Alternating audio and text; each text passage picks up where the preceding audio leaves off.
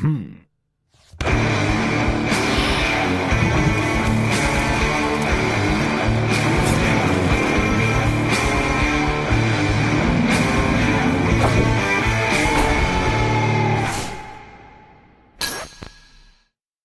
Bilo je lakše stići do vrha na taj način, umor se ne oseti, osim kad stigneš do kraja i sedneš.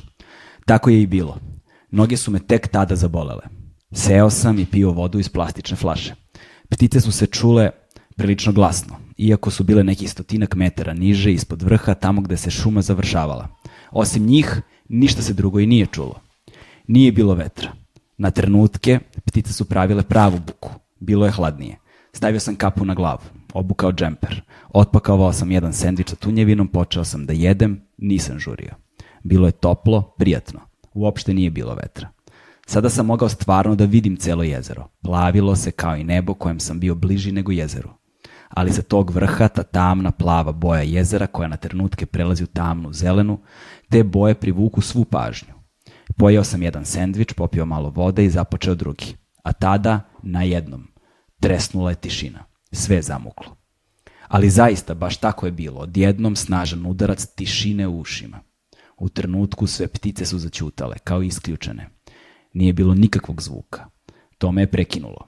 Ta da tako iznenadna tišina, potpuni muk, to me je zbunilo. Ništa se nije čulo, ništa se nije dešavalo.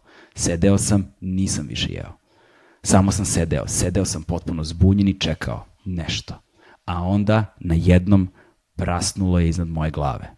Potmuli prasak. Podigao sam glavu, pogledao i video krupnu, ogromnu pticu. Na tren, ali u drugom trenu, trenu već je bila u daljini i mogao sam jedino da je vidim kako već nadleće jezero visoko na nebu, iznad, gore, i ta krila koja se ne pomeraju. To sam video. I nestala je. I dalje je sve bilo tiho, ptice se nisu oglašavale. Ćutale su. Pio sam vodu. Nisam jeo. Nisam mogao da gutam. Onaj prasak me uplašio. Čekao sam. A onda sam ga video na nekih 2 tri stotine metara, daleko približavao mi se, ali nisam mogao da odredim visinu. Koliko je to metara bilo iznad mene u vazduhu. Približavao mi se i bio sve veći i veći. Bio je ogroman taj orao, veliki zlatni orao, kako se zvao. Krila su mu bila nepomična, preletao je tačno iznad mene i ostavljao taj prasak za sobom u vazduhu svojim krupnim telom i ogromnim raširenim krilima. Video sam ga dobro i čuo, Shvatio sam zašto su sve ptice zamukle. On je bio jedan veliki, gore, iznad svih nas. Osećao sam se kao žaba, mogao je sve, šta god je hteo. Nikada nisam bio beznačajniji. Bio sam mali, baš kao i moj život i sve u mom životu. I sve u meni, sve iluzije u meni, sve što je mene činilo. Sav onaj vazduh kojim sam bio ispunjen izbio je napolje. Telo mi je izdahnulo od straha i divljenja.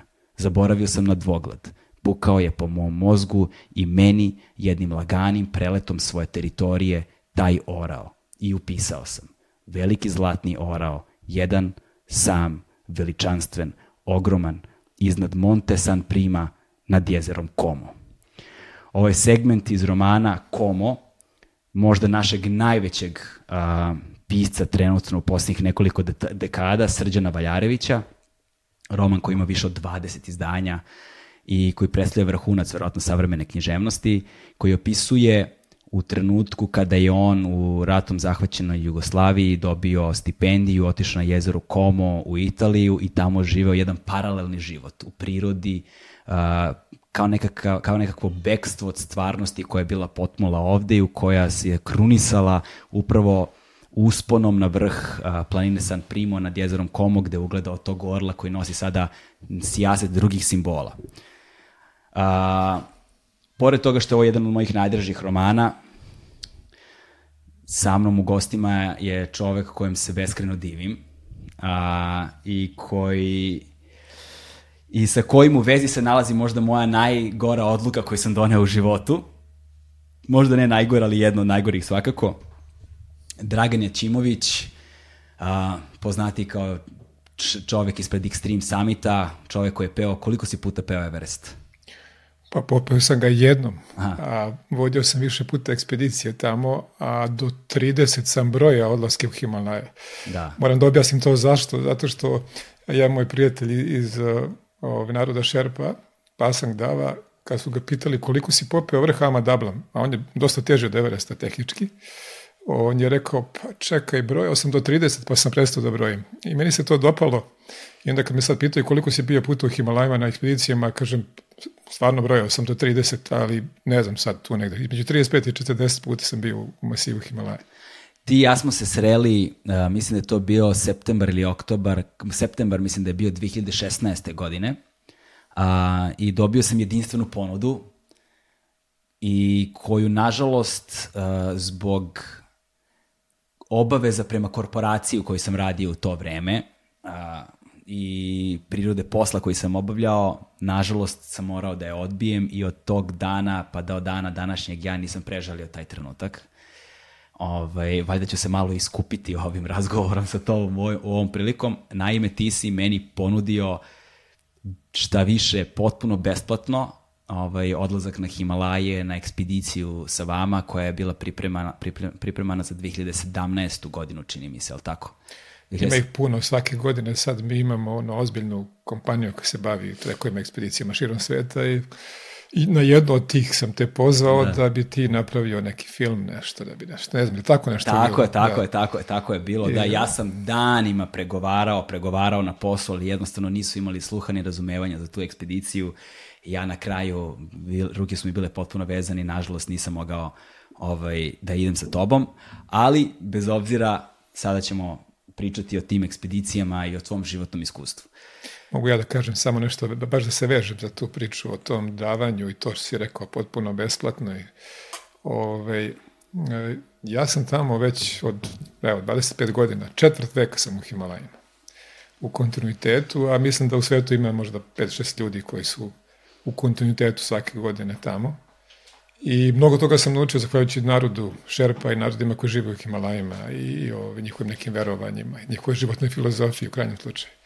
Jedna od tih stvari je da uvek ovaj, moraš nešto prvo da daš da bi dobio i onda sam ovaj, organizovao, i, ne znam još 2011, više ne sjećam koje godine šta bilo, ovaj, da opremimo jednu školu u Himalajima i onda moja logika je bila kao, ok, od njih sam mnogo naučio, puno su mi pomogli u životu, da nije bilo njih, nikad ne bi popeo se ti si na vrhove i ne bi se ja menjao ovde u svom svakodnevnom životu, ovaj, daj da vratim njihove deci. Pa smo opremili jednu školu kompletnu za 120 đaka i tako dalje, tako dalje. I onda sam ja, pričajući s njima, zaključio, pa dobro, ok, mi to organizujemo, radimo te komercijalne ekspedicije i trekove, hajde ovaj, da svake godine nekoga častimo i odavde da ode tamo, da doživi to, pa će možda da se širi priča. Da. Možda će da i ti ljudi osete tu dobru energiju tamo i taj neki dobar odnos sa prirodom kakvi oni imaju, a s druge strane a, odnos međuljudski, odnos čovek-čovek, čovek-priroda, pa će možda i ovde kod nas da se primi, da se širi to neko Kakav je tvoj odnos sa prirodom i kako se on menjao kroz tvoje iskustvo Himalaja? Uh, to je, to promjene su ogromne. Znači, 96. kad sam prvi put bio i recimo negde do 2000. to je bilo samo ono adrenalinski ovisnik, samo uspeh, samo cilj, vrh, sportski rezultat, ego do neba, e, sa svakom uspješnom ekspedicijom ego raste i nisam razmišljao drugačije nego na, eto, to je to, ja, svetski šampion. Ne. To, to, to je ta priča bila iskreno. I, ovaj, i najgore, najgore što može čovjeku se desiti u Himalajima da mu ekspedicija bude a, lagana i uspešna. Još ako je vrh preko 8000 metara i ako je lepo vreme na završnom usponu, čovjek pomisli, pa ovo će uvijek ovako da bude. Da. Ja sam super, ja sam jak, ja sam a, pametan, snažan, moćan i dok se ne desi nešto što je onako, da priroda vas sačeka iza ćoška i kaže, e, to sve što si naučio, treba se da iskoristiš sad ovde, ne da se opustiš i da misliš da će to tako uvek da bude. A, tebi se, Boga mi, dešavalo pa sve i svašta. Da, pa počelo da mi se dešava tek 2004. nažalost. Mm -hmm. Bilo bi bolje da je to bilo mnogo ranije. Znači tek 8 godina kasnije ti se desilo prvi put. A zamisli 8 godina sam imao sve uspešne ekspedicije. I to je opasna stvar, to sad mogu svima da ono kažem da obrate pažnju na to. Uh, E, tek 2004. sam imao ono ozbiljnu havariju, slomio sam rame, upao sam neku pukotinu, jedva sam preživeo. I na toj ekspediciji sam naučio kao za zadnjih 8 godina. Da. To su neviđene lekcije i onda sam ih primenio. Onda sam otišao na neki novi nivo, shvatio sam neke stvari i krenula je tad priča više u tom smislu davanja, on, prenošenja znanja drugima. E, meni više taj cilj nije bio bitan toliko, već taj put, to što naučiš, što, ove, što prođeš tamo, znaš, samo ima ona divna izreka koja kaže e, samo se čisto zlato u najvećem ognju sažeže, tako da i te, ta iskušenja kroz koja čovek prolazi tamo na putu do vrha, treba da ga Treba da ga nateraju da počne da razmišlja o nekim stvarima, da se menja i da postane to zlato, kad tad. Eto, to je to. I ima jedna, divna, mislim sad skačem s teme na temu, ali e, divna priča e, vođe jedne ekspedicije ovaj, koji je mnogo stariji od mene iskusniji i ja sedim u baznom kampu kao vođe ekspedicija i naši članovi ekspedicije sa vodičima penju vrh i taj dan je nigde oblaka na nebu. Temperatura na vrhu na 8000 možda minus 10, smiješno. Sve savršeno i on kaže, ovo ništa ne valja. Ja kao, kako, kako ne valja, kao sve je sjajno, svi će popiti vrh sve, jeste, ali kad dođu dole, onda će da pomisle kao sad, to je sindrom Boga, kao da. sad mogu sve i kao sad će da kažu, e, K2, double K2, ajmo da, da, da, da penjemo K2 je također K2, vrh. Najteži, najteži vrh na svetu, a kaže to može kasnije da ih košta mnogo. I shvatim suštinu. Da. Jedan od eh, slogan zapravo mog podcasta a, je mit o potrazi. Jer najstarija priča na svetu je mit o potrazi. Čovek otkako postoji, on traga. I celokupna istorija civilizacije kao i istorija književnosti zapravo su vrlo bliske jer, jer, jer se zasnivaju na zapisima, na pričama i sve što ostaje iza naših života negde su naše priče koje mogu u najboljem slučaju da promene barem malo ovaj svet i ljude oko nas na bolje. To je ono čemu najviše možemo da se nadamo. Taj mito potrazi može da bude dvojak u suštini, on može da bude pro, prostoran, mi možemo kroz prostor da tragamo, najstarije zapisani, uh, najstarije zapisano književno umetničko delo Epo Gilgamešu je takođe mito potrazi, gde se traga za prije, najboljim prijateljem. Um, ali mito potrazi takođe može da bude unutrašnji potraga može da bude imanentna i to prostranstvo unutar nas je možda daleko veće od ovog fizičkog prostranstva. I ta potraga je ono što negde mene najviše privlači. A, ekspedicije i život kakav si ti živeo predstavlja suštinu negde svega toga. I postoji ta jedna neverovatna komponenta kod ljudskog bića, koliko je ljudsko biće adaptivno, koliko je ono sposobno da se menja i fizički i psihički. Uh, a, jer s jedne strane razgovarao sam sa ljudima koji su alpinisti, s ljudima koji su penjači, s druge strane razgovarao sam s ljudima koji su apneisti, koji rone na dah. Dakle, šta sve ljudsko telo može u ekstremnim uslovima da izvede je prosto neverovatno. I on, volao bih da duboko zađem upravo u tu te, tematiku sa tobom, ali da počnemo priču polako iz početka, a, da bismo ljudima dočarali i oslikali šta znači biti na 8000 metara nadmorske visine. Kakva vrsta priprema je neophodna za tako nešto, sa kakvim izazovima, ne samo fizičkim, nego i emotivnim i psihičkim, se ljudi suočavaju na tom putu. Volao bih da pričamo o tome. Dakle, rekao se da si prvi put, prvi put peo Everest 96. godine. Da, 2000. Rekao sam bio u masivu Himalaja. Himalaja A, u masivu? Su prostor kao pola Evrope, mislim, da. ogroman prostor i sa hiljade vrhova. Everest je najviše vrh sveta i njega sam peo i popeo 2000. godine 26. maja. Ali dobro, u Himalajima si bio prvi put, put 96. 96. godine. U kom trenutku zapravo počinje tvoja alpinističko-ekspediciona priča? Pa 96. kad sam otišao tamo, to je, e, pre toga sam se ja bavio, trčao sam maratonje, orijentiring, e, drugi neki sportovi, redovno trenirao i kao, kao da to se bila neka priprema za ono što me konačno čeka, zašto ću se ono opredeliti da mi bude na neki način, pre svega prvo hobi i ove, ovaj, lična neka nek, neki put moj da ću ja sebe da promenim i da budem bolji čovek, ovaj, a s druge strane, eh, jednostavno, to je sad taj moment prepoznavanja, sad tu krećemo priču u onoj potrazi, da li sam ja prepoznao te Himalaje, neka moja energija, emocija, ili su Himalaji mene, to je sad veliko pitanje, ali znam samo da te 96. godine kad smo otišli tamo, to je bilo tako jedno otkrovenje i kad sam popio taj svoj prvi vrh u Himalajima, uh, u povratku nazad e, sam bio toliko e, euforičan da sam skakao i pravio salto zato čim se ni sneg, pa skočim u vazdu, naprim salto sa serancem. Bio sam u strašnoj kondiciji, bio sam spreman fizički i, i onda kad sam ovaj, popeo taj vrh, to, to sad na taj način doživljavam. Bio je dovoljan jedan udah i jedan izdah i da se zarazi virusom Himalaja. Kao da sam se tad, taj moment, s tog vrha se vidi Everest, i taj pogled je fascinantan i ono, usisava čoveka jednostavno. I od tog momenta kad sam se vratio... Koji je to vrh bio? To je vrh Kalapatar, jedan trek vrh 5545 e, metara, ove, dosta ljudi ide penje tamo, danas je to ruta jedna ove, poznata u Himalajima. I ove, jednostavno kad sam se vratio kući ovde, bilo je, to je to. Znači, želim da se bavim ovim, ajde sad da vidimo šta treba da treniram, kako da se hranim, kako da nađem novac da bi ponovo otišao tamo. E da, to sam htio. Sve se svelo na to, ja želim da se vratim tamo. I zašto je to tako, ne znam, ali sam ja krenuo to i onako kao u ne znam, u, ne znam, u nekom paralelnom svetu sam bio sa tom željom, tom strast je bila ogromna ove, ovaj, i krenuo sam da smišljam načine kako da eto, dođem u situaciju da odem ponovo tamo. 96. godine si prvi put otišao u Himalaje. A, jedna stvar koju ljudi možda ne znaju, pretpostavljam da znaju, odlazak u Himalaje takođe nije ni jeftin.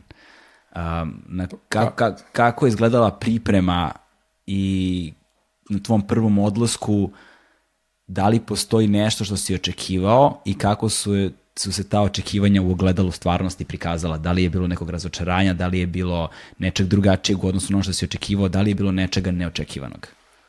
Pa nisam očekivao ništa. I to sam kasnije naučio da je to mnogo bitno. Da ne očekuješ ništa, da si ono otvorenog srca, ideš tamo i super. I tako, sve mi je bilo pozitivno. Da. E, jednostavno i, i ljudi, i priroda, i sve što bi se dešavalo.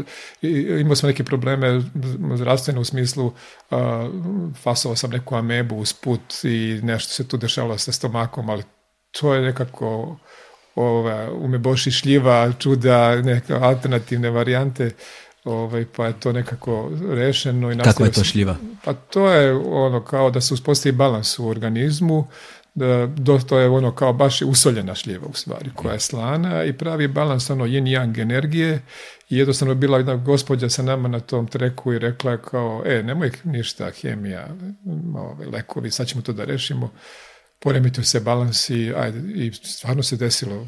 Posle par dana bio sam okej okay i nastavio sam dalje. Ali, ne znam, to čovjek zaboravi brzo. Bitne su neke, neke lepi trenuci tamo.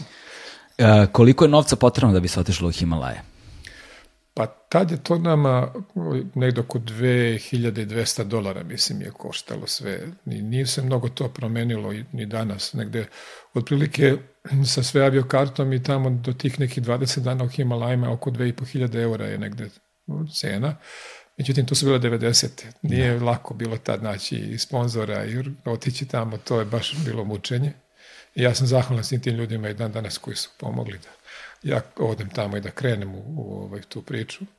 A s druge strane, moje pripreme, kondicijom sam bio spreman, to sam znao, ali su, smešne su bile pripreme u, ove, što tiče opreme. Ja ništa nisam imao od toga, pa sam pozemljivao, nekom je dao jaknu, nekom je dao s, i ranac, ma, to je smešno bilo. Ovaj.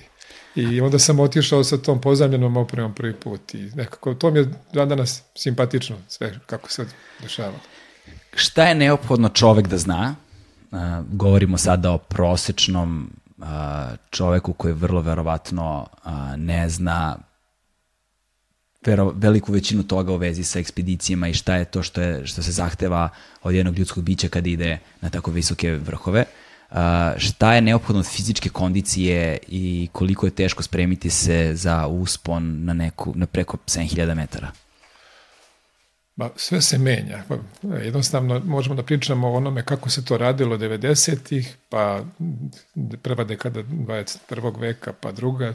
To se toliko brzo menja i znanja ljudska se menjaju. Pa hajde da pričamo o tome. Ja mogu da pričam sad u ovom sadašnjem trenutku. Hajde u sadašnjem trenutku. I da mnogo, pričamo. je, mnogo je lakše sad. To ne može se poredi nego nekad ili recimo 70. godina kad je bilo još teže i to je baš, baš teško. A danas kondiciono svako može da se pripremi. Znači, to je po meni...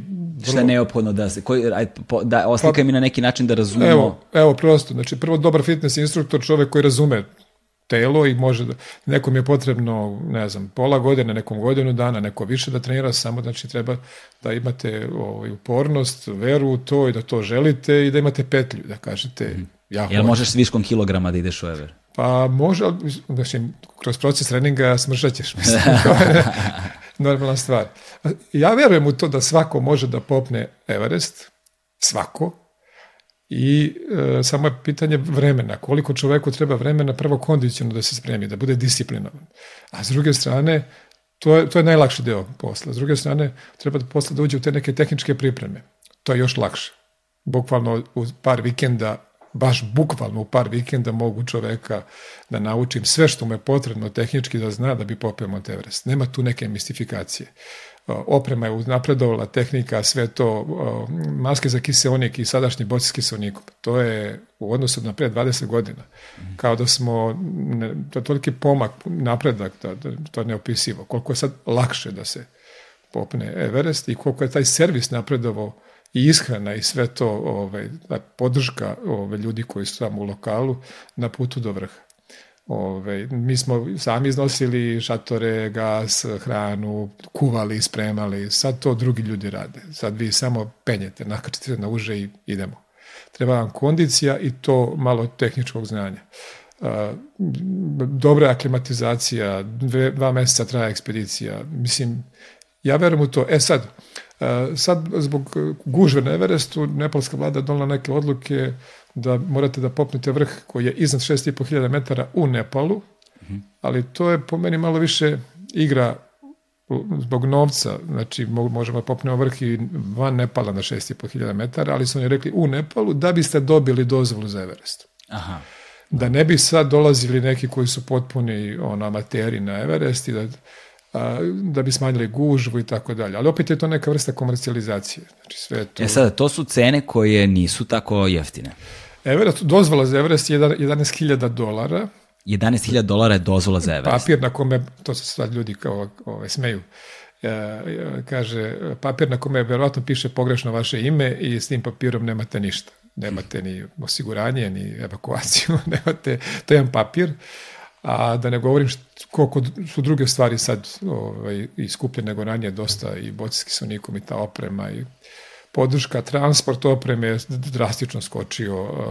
Šerpasi koji tamo rade na ekspedicijama, njihova cena je mhm. otišla u nebo. Naravno, ljudi sad imaju radne dozvole, s licence. Nekad je to bilo onako oruk i sela se skupi ekipa i idemo ovaj, oni koji su najsposobniji. A sad je to već ono, ozbiljan posao, ozbiljna industrija, to je malo drugačije. Koliko ljudi godišnje penje Everest?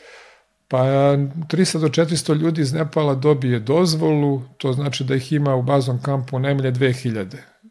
Znači 300-400 njih penje, ali podrška su svi ovi ostali. Aha, aha. Bazni kamp, kuhinja, kuvari, nosači, šta znam, i o, ovi šerpasi penjači sa licencom koji penju vrh zajedno sa klijentom i ovi gajdi koji dovode ekspedicije tu, tako da oprilike tu u sezoni pred monsun, znači negde april, maj bude oko između 1500-2000 ljudi, iza se 300-400 dolara, 300-400 dozvola, pardon, i ovaj, sa severne strane ta druga ruta iz Tibeta, to ide preko ovaj, kineskih vlasti u Lasi, tu je manja gužva, eh, čak i jeftinije, i tu je malo hladnije, što možda bude i pozitivno, jer s južne strane izloženi su dosta suncu i bilo je dosta lavina, ovaj, mm -hmm. dosta pogibija, već u maju mesecu bude topi se sneg na 6000 metara, ono, te, teku potoci na 6000 metara, neverovatno, klima se menja. Tako da je sever postao sad dosta zanimljiviji, a kukali su na sever zato što je hladnije, i već jači vetar, ali mislim da je sad bolje ići sa severa i penjati Everest, mnogo nego sa južne strane. Klima, ne, neizvesnije je, nemate baš tako velike prozore kako mi to kažemo, prozor u, u, u ove, na, da, da, kad se smiruje malo. A, na, vre, vremenski prozor. Vremenski da. ovaj prozor, da kaže u tih pet dana može se penje vrh.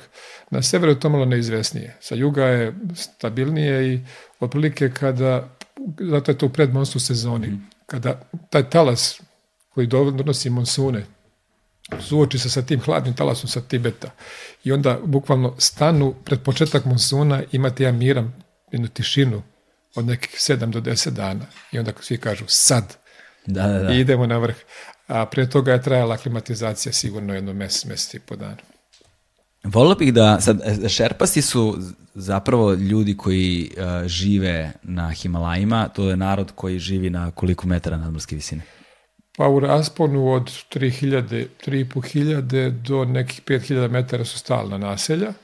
Ima nekih, nekoliko sela u Kumbu regionu, tu su oni ono, dominantni, tu su samo narod Šerpa. A živi, Koji, živi još u ostalim nekim regionima po Nepalu, ali manje. A taj, taj narod Šerpa, na koji su oni visini? Pa to, 3500 do, do 5000 metara su njihova naselja. Do 5000. Namče Bazar je, kažemo mi, glavni grad, predstavnica, ovaj, u bukvalnom prevodu Novi Pazar. Koliko se ti ljudi razlikuju od nas fizički? Pa samim tim što su rođeni na 4000 metara, njihova krv je drugačija, njihova jetra drugačije radi, sve to, hemoglobin, sve to i mnogo bolje podnose visinu. I njima je da popnu neki vrh 7000 metara kao što mi idemo na kopaonik i mnogo im je lakše.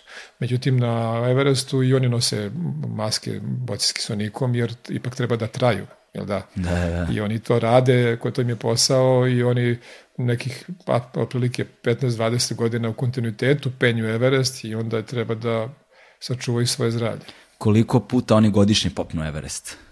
Pa jednom, znači to je ta predmonstvu sezona, u postmonstvu sezoni, uh, septembar, oktobar, uh, malo ima ekspedicija, Da, ne nužno Everest, a koliko puta šerpa si penju? Druge vrhove. Druge vrhove. Pa oni, koliko ako, jedan šerpa koji se bavi time godišnje prosečno popne puta neki pa vrh na Everest?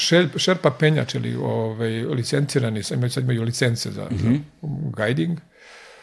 Pa ako popne Everest, u tom slučaju on na jesen popne još jedan vrh preko 8 i doda recimo još nama dablam ili nešto do, do 7000 metara posle toga, da, bukvalno tako. Znači, i trekove usput kad nešto ono do 6000 metara koje ispada neki postić on to odradi.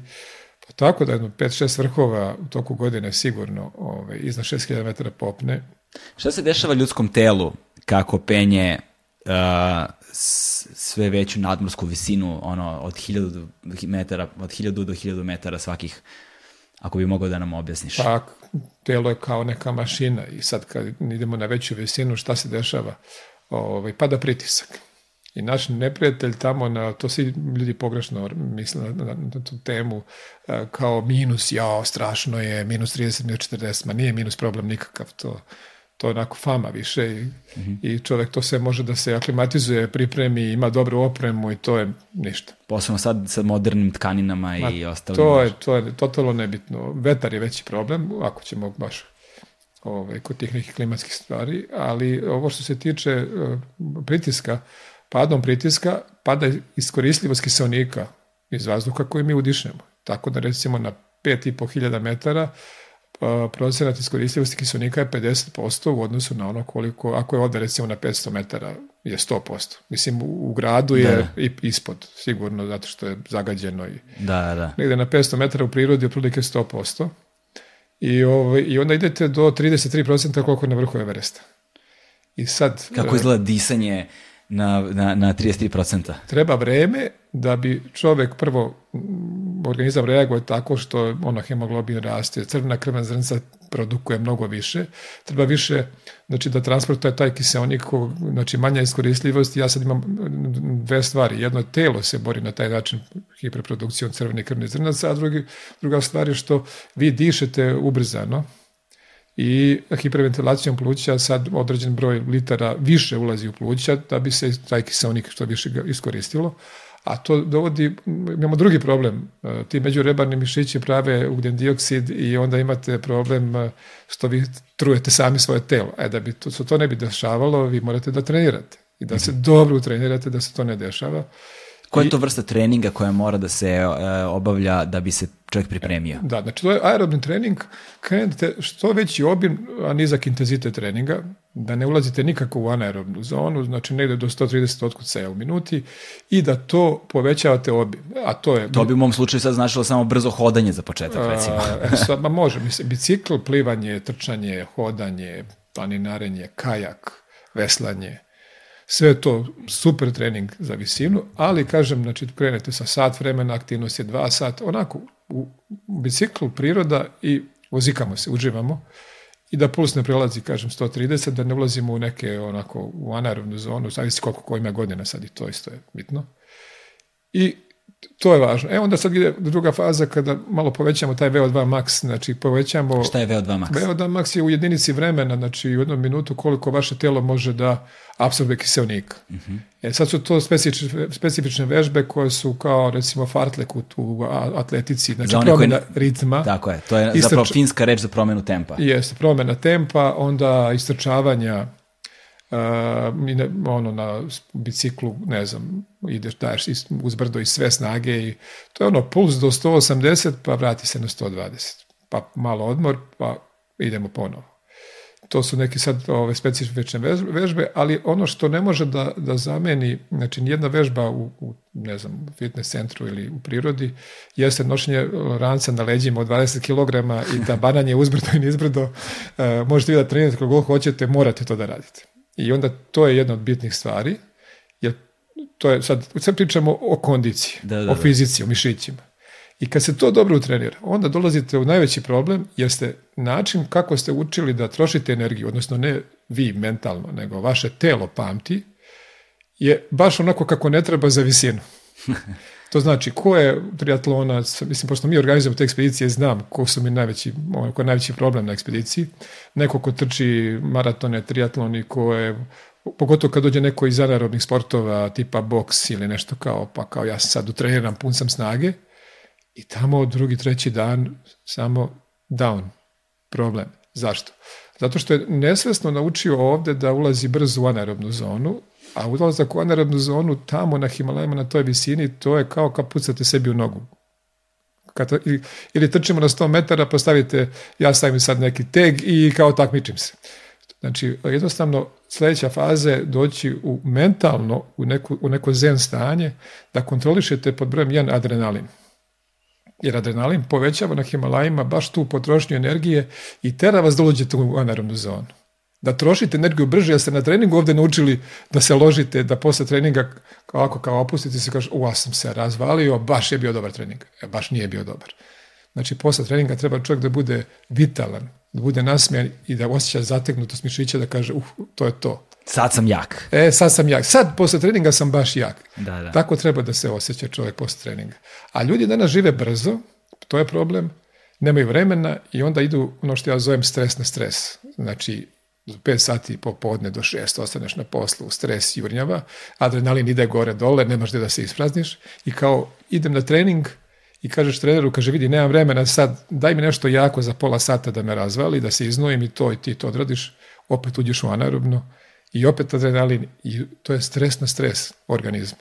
Znači čovjeku treba da se spusti, treba mu joga, treba mu meditacija, treba da šeta, ali on nema vremena za to, on jednostavno žuri i takav način treninga je ono što nam baš ne treba tamo na, na Himalajima, treba da uđemo u neku, ja to zovem neku zen fazu, neki mir, gde jednostavno nikad, ni u jednom trenutku nema potrebe da nam puls pređe 120. I kad penjemo, i na 7000 metara kad penjemo, vidio sam ljude koji to znaju, koji su došli na taj nivo. Znači, dobro su trenirali, ali iz glave mogu da kontrolišu ovaj, kako troše energiju, da, da ih adrenalin ne povuče, da su uvek smireni. Znači, samo lagano. Ko la, uspe to, njemu je Everest kao, evo, sad ovde vama avala, recimo. Realno. Znači, sve u glavi. I e, to je proces. A da biste peli Everest, onda treba da odete recimo na neki vrh prvo 5000, pa 6000, pa 7000 metara. Ne toliko zbog tehničke pripreme ili nekog znanja ili kondicije, već pre svega da u glavi shvatite u čemu je trik. Mm -hmm. Da naučite, ja, ja sad baš bavim time, znači mi imamo ogromnu, ogroman procenat uspešnosti na našim ekspedicijama, bar zato što se bavimo ljudima, što priđemo i kažemo ovo, jesi ti spreman fizički? I sad na prethodnoj ekspediciji tebi se dešavalo to, to i to. Ajde malo da pričamo da se to više ne dešava i da ti sledeći vrh bude mnogo lakši i da ga izađeš na vrh sa osmehom na licu. Kao, kao kako? E, neko prihvati to kao savjet i da se menja i da nauči, a neko to e, boji se razotkrivanja.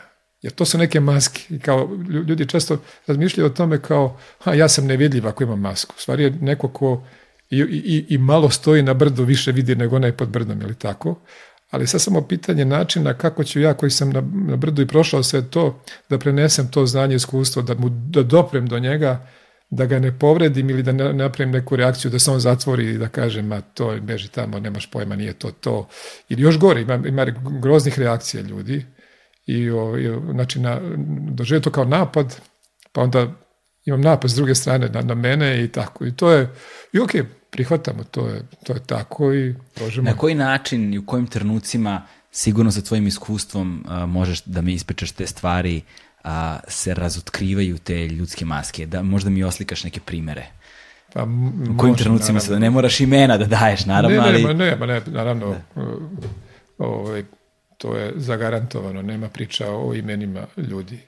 E, Dešava se, a ne znam, tu je jako bitna intuicija. Znači, taj intuitivni pristup kao da se neke čakre otvore nekim malajima ja sam to naučio da komuniciram na neki način e, sa ljudima tako što ih osjećam njihove emocije, ono što se dešava u njima energiju i tako dalje. Ono što oni pričaju rečima, to je ono što oni žele da sakriju, a ne ono što otkriva se na drugi način. Isto tako da učite da komunicirate sa prirodom, sa, sa planinom. Planina je, kako šerpasi veruju, to je živ stvor, s imenom i prezimenom. I dugo, meni je dugo trebalo, baš jedno, možda 20 godina, da skapiram o čemu pričaju i, da, i da, da ima nešto u tome, da svaki vrh ima neku svoju dušu, svoju energiju, svoj način kako ćeš da priđeš, kako da napriješ taktiku uspona, u kom trenutku, kako, zašto, ne znam, počeo sam je da verujem da, da, da stvarno ima nešto u tome I, ovaj, I onda kad to sve znate, onda kad vam dođe neko ko je onako, kako bi ono, eto, moderno rekao, zabagovan, emotivno, puno potisnutih emocija. Kako? To je potpuno normalno. Ljudi koji imaju puno tih nekih potisnutih emocija, oni kad dođu tamo otvaraju se polako, padaju te maske, jednostavno same po sebi, zato što je i fizički naporno, i priroda, i atmosfera, i što to utiče na njih.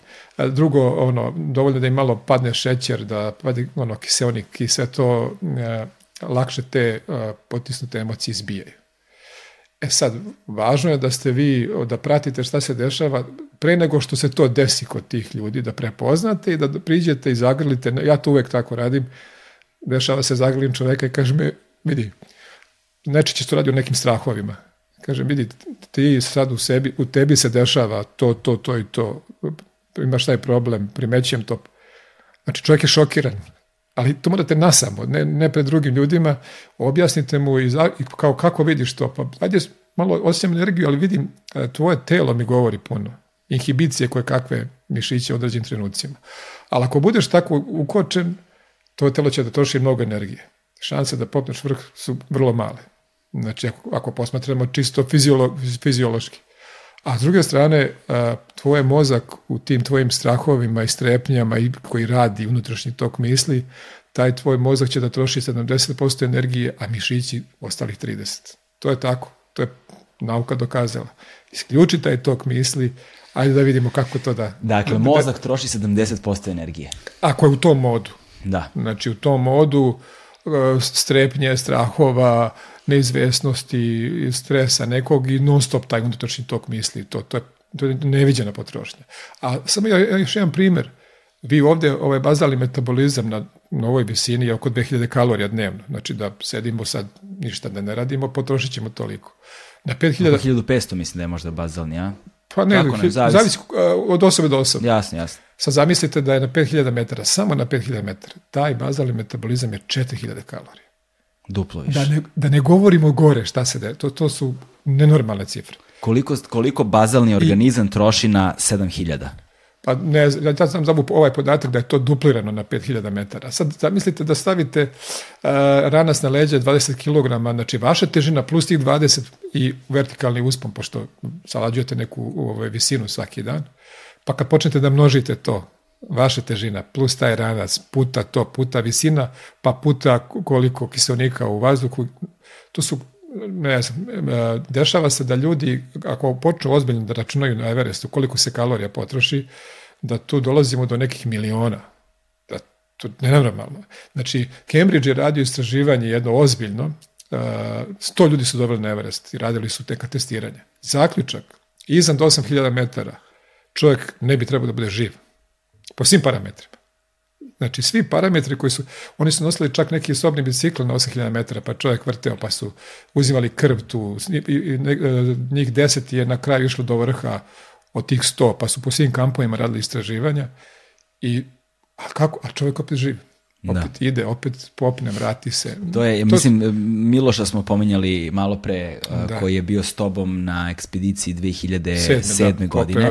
Da. Tako je. Ovaj, i sećam se, ja, njega, ja sam njega upoznao pre toga, uh, i onda, pre nego što je peo, onda kada se vratio, bio je jedno 20 kg mršavije, recimo, tako nešto. Sad preterujem možda, ali, ali bio značajno mršavije. To je ono što nisam završio malo pre priču o da. kalorijama. Znači, uh, vi kad trčite maraton, kad završite maraton, na ovoj visini odmah kreće oporavak ali tamo ako preterate i, i kad napravite neko penjanje na veću visinu, e, nema oporavka, ne ide to baš tako brzo, nema kiselnika. I drugo, hrana je u istinskim kampama to što spremate, to je slabo, to nedostaje i vi stvari trošite svoje telo. Najgore je, ok, e, mast je osnovni, e, osnovni izvor energije, mast i proteini iznad 4000 metara i mora mnogo toga da se pojede. Da bi... Koliko kalorija dnevno mora da se pojede uh, iznad 4000 mg. Pa jedno 7-8 hiljada kalorija dnevno bi dnevno. trebalo, ali niko to ne unosi toliko. A s druge strane... Mislim, to je baš mnogo. Ja sam probao da jedem recimo 2,5-3 hiljade kalorija u nekim dijetama dnevno ovde. To je za mene, moju konstituciju, moju građu, da ja imam 70 kila, to je za mene fizički nemoguće, mislim, prosto da unesem. Jedino da uzimam onaj kakvu visokokaloričnu, da ro, i kad rokam i bademe, ne znam, 100 grama badema ima 500-600 kalorija koliko ima, sa svime tim... Mast. Mast, mast. A svi bežimo od masta, da da, da, da, da, da, da, životinskog porekla. Ovaj, e, tako da čovjek se vraća tamo 10-15 kg manje. Ali ima tu jedan dodatni problem, a to je ako niste dobro utrenirani, ajde kad potroši masne naslage u telu i to je ok, odete malo, mi se malo i nagojimo pre ekspedicije, trebalo bi. Ali onda počne da troši mišiće, ti katabolički procesi kada mišić mislim, ono, bukvalno telo jede samo sebe i od tog mišića ove, stvara neku energiju i ono, prepuni ste toksina i to, to Dakle, je... katabolički proces je zapravo obrnuto od anaboličkog yes, procesa. Jes, anabolički proces. Tako je, znači- anabolički, zato se anabolički steroidi zovu tako, yes, zato što rastu mišići, rastu, a, katabolički je kada jedu sami sebe. Jeste, kad jedu sami sebe. I to, je, to se često dešava na velikim visinama. Nema, najgore što može vam da se desi da počnete da one e, životne rezerve iz koštane srži da trošite. Znači i to se dešava. E, kada ljudi penju e, vrh preko 8000 metara tipa Everest bez kiselnika, kada je to ekstremno naprezanje.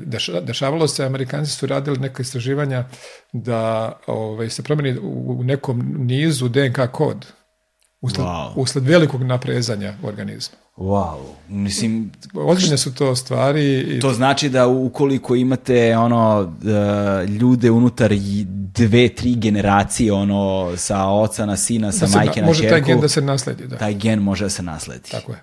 To je neverovatno. Testirat ću na svoje deci, pa ćete reći.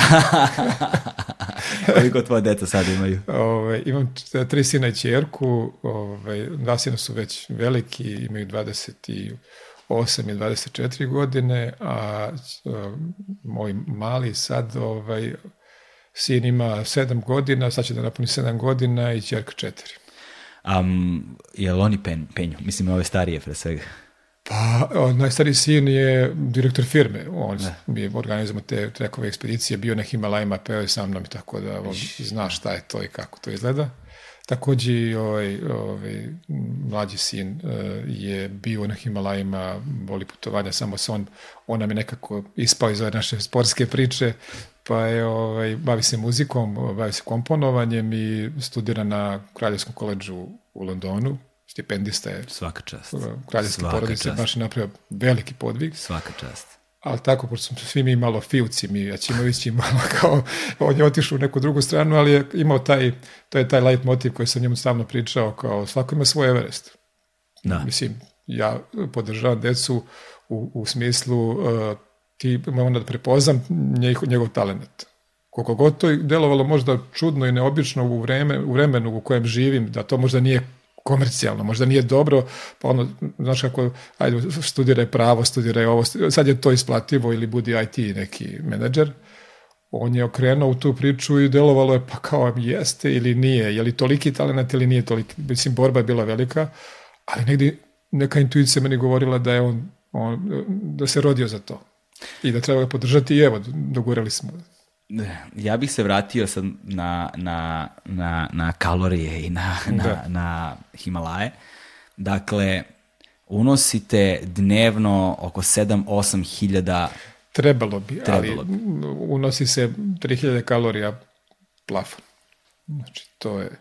I zavisi Zbog neko... čega? Mislim, zašto ne unosiš 7-8 hiljada? Pa nema, nema, nemaš mogućnost da, da istopiš sneg.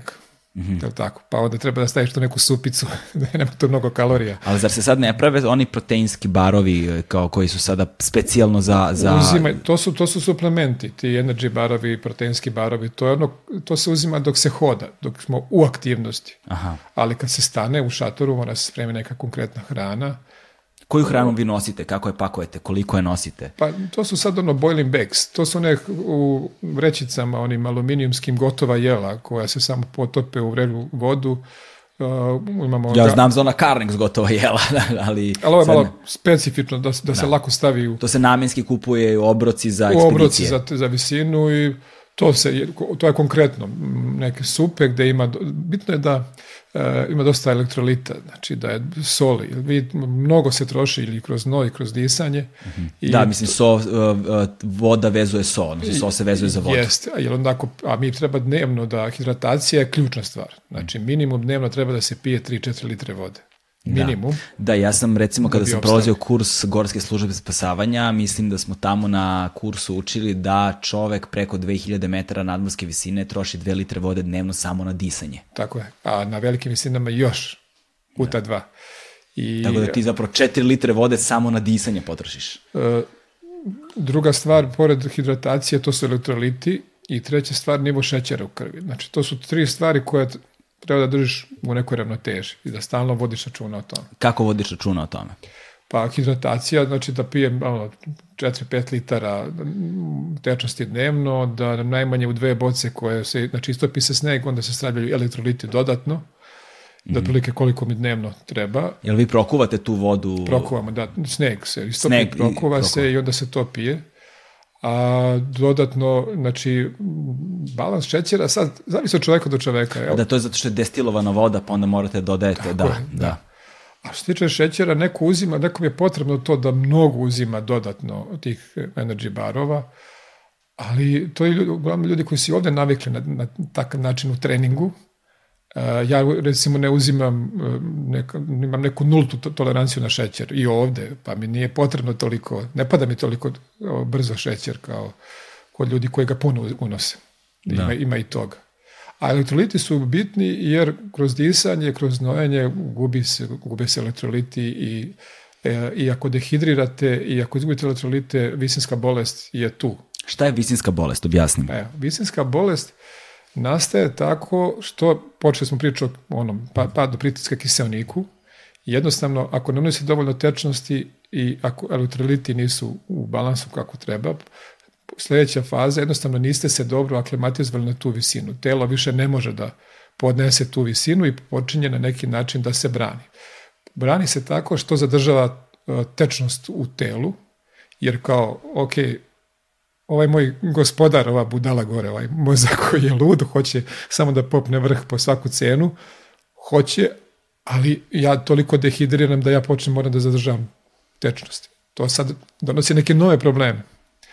Onda a, počne da vas boli glava, pre svega u potiljačnom delu, a, malo se ovaj, beonjače zamute i budu onako malo požute, čovek izgubi a, dezorijentisanje i stalno mu nešto duva vetar pa mu nešto hladno. Pa često ljude koji iznose kapuljače kad i ne treba da nosi kapuljače i uh, učute se dosta ljudi. I sad subjektivno on i dalje gura dalje, to je prva faza visinske bolesti, e, ima neku blagu mučninu, malo mu se vrti u glavi, ali on, to je, ta, to, je to ludilo koje uhvati čoveka kad ono ego ga ponese ka vrhu i ima da popne po svaku cenu ali kao neko ko je vodič ili vođa ekspedicije mora da primeti simptome i oni su toliko vidljivi s polja, a onom koji ušao u prvu fazu visinske bolesti, on kaže, ma meni je okej, okay. čemu pričaš? Ne, ne, ne dozvoljava da, da, da, da, mu, da mu nešto nije dobro, ma sve je okej okay, i tako dalje.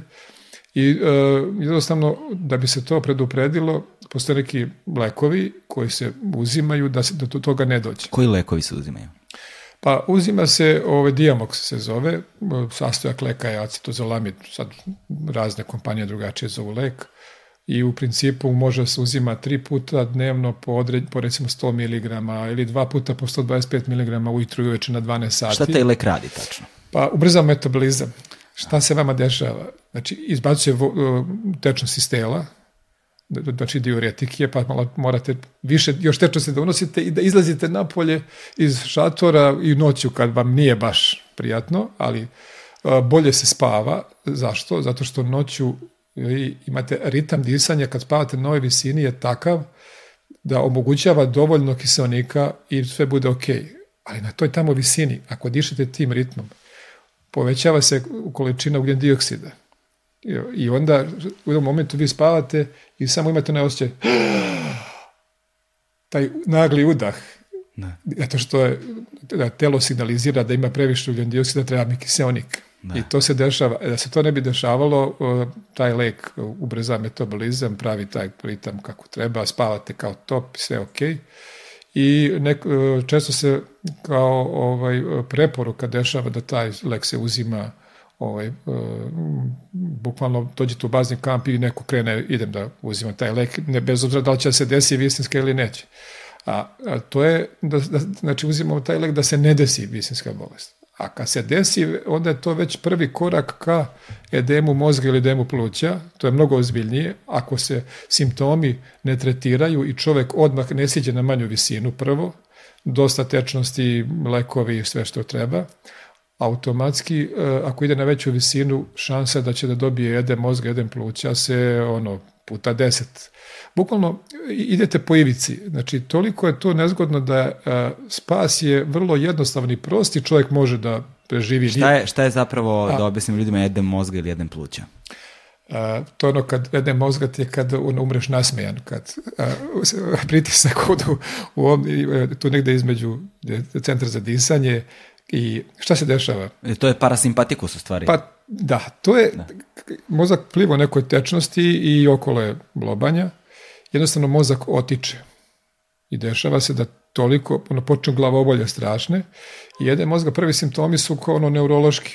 Ne možete da dohvatite nos sa prstom, svi ovi prsti da dotaknete sa palcem. Dobro je e, adresa na kojoj stanujete, kako se zovete, kako, par pitanja elementarnih i vi vidite da mozak već ono, ima probleme i da to, to su prvi simptomi.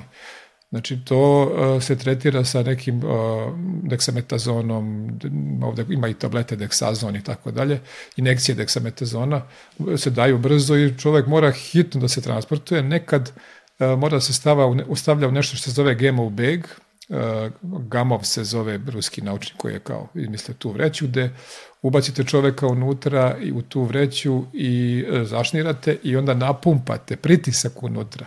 Dižete pritisak kao da je na 2000 metara, a ne na 7. Mm -hmm.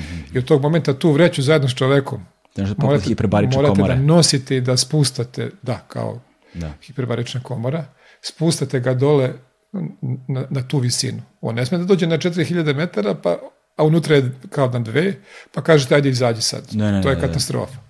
E, između ostalog njemu se daje i kiseonik unutra zajedno sa njim, postoji prozorče da mu se daje i hrana. E, I vrlo je opasna situacija, znači i lekovi sve i treba biti obazriv i spustiti čoveka nazad i taj čovek više za njega ekspedicija završena, mislim, nema.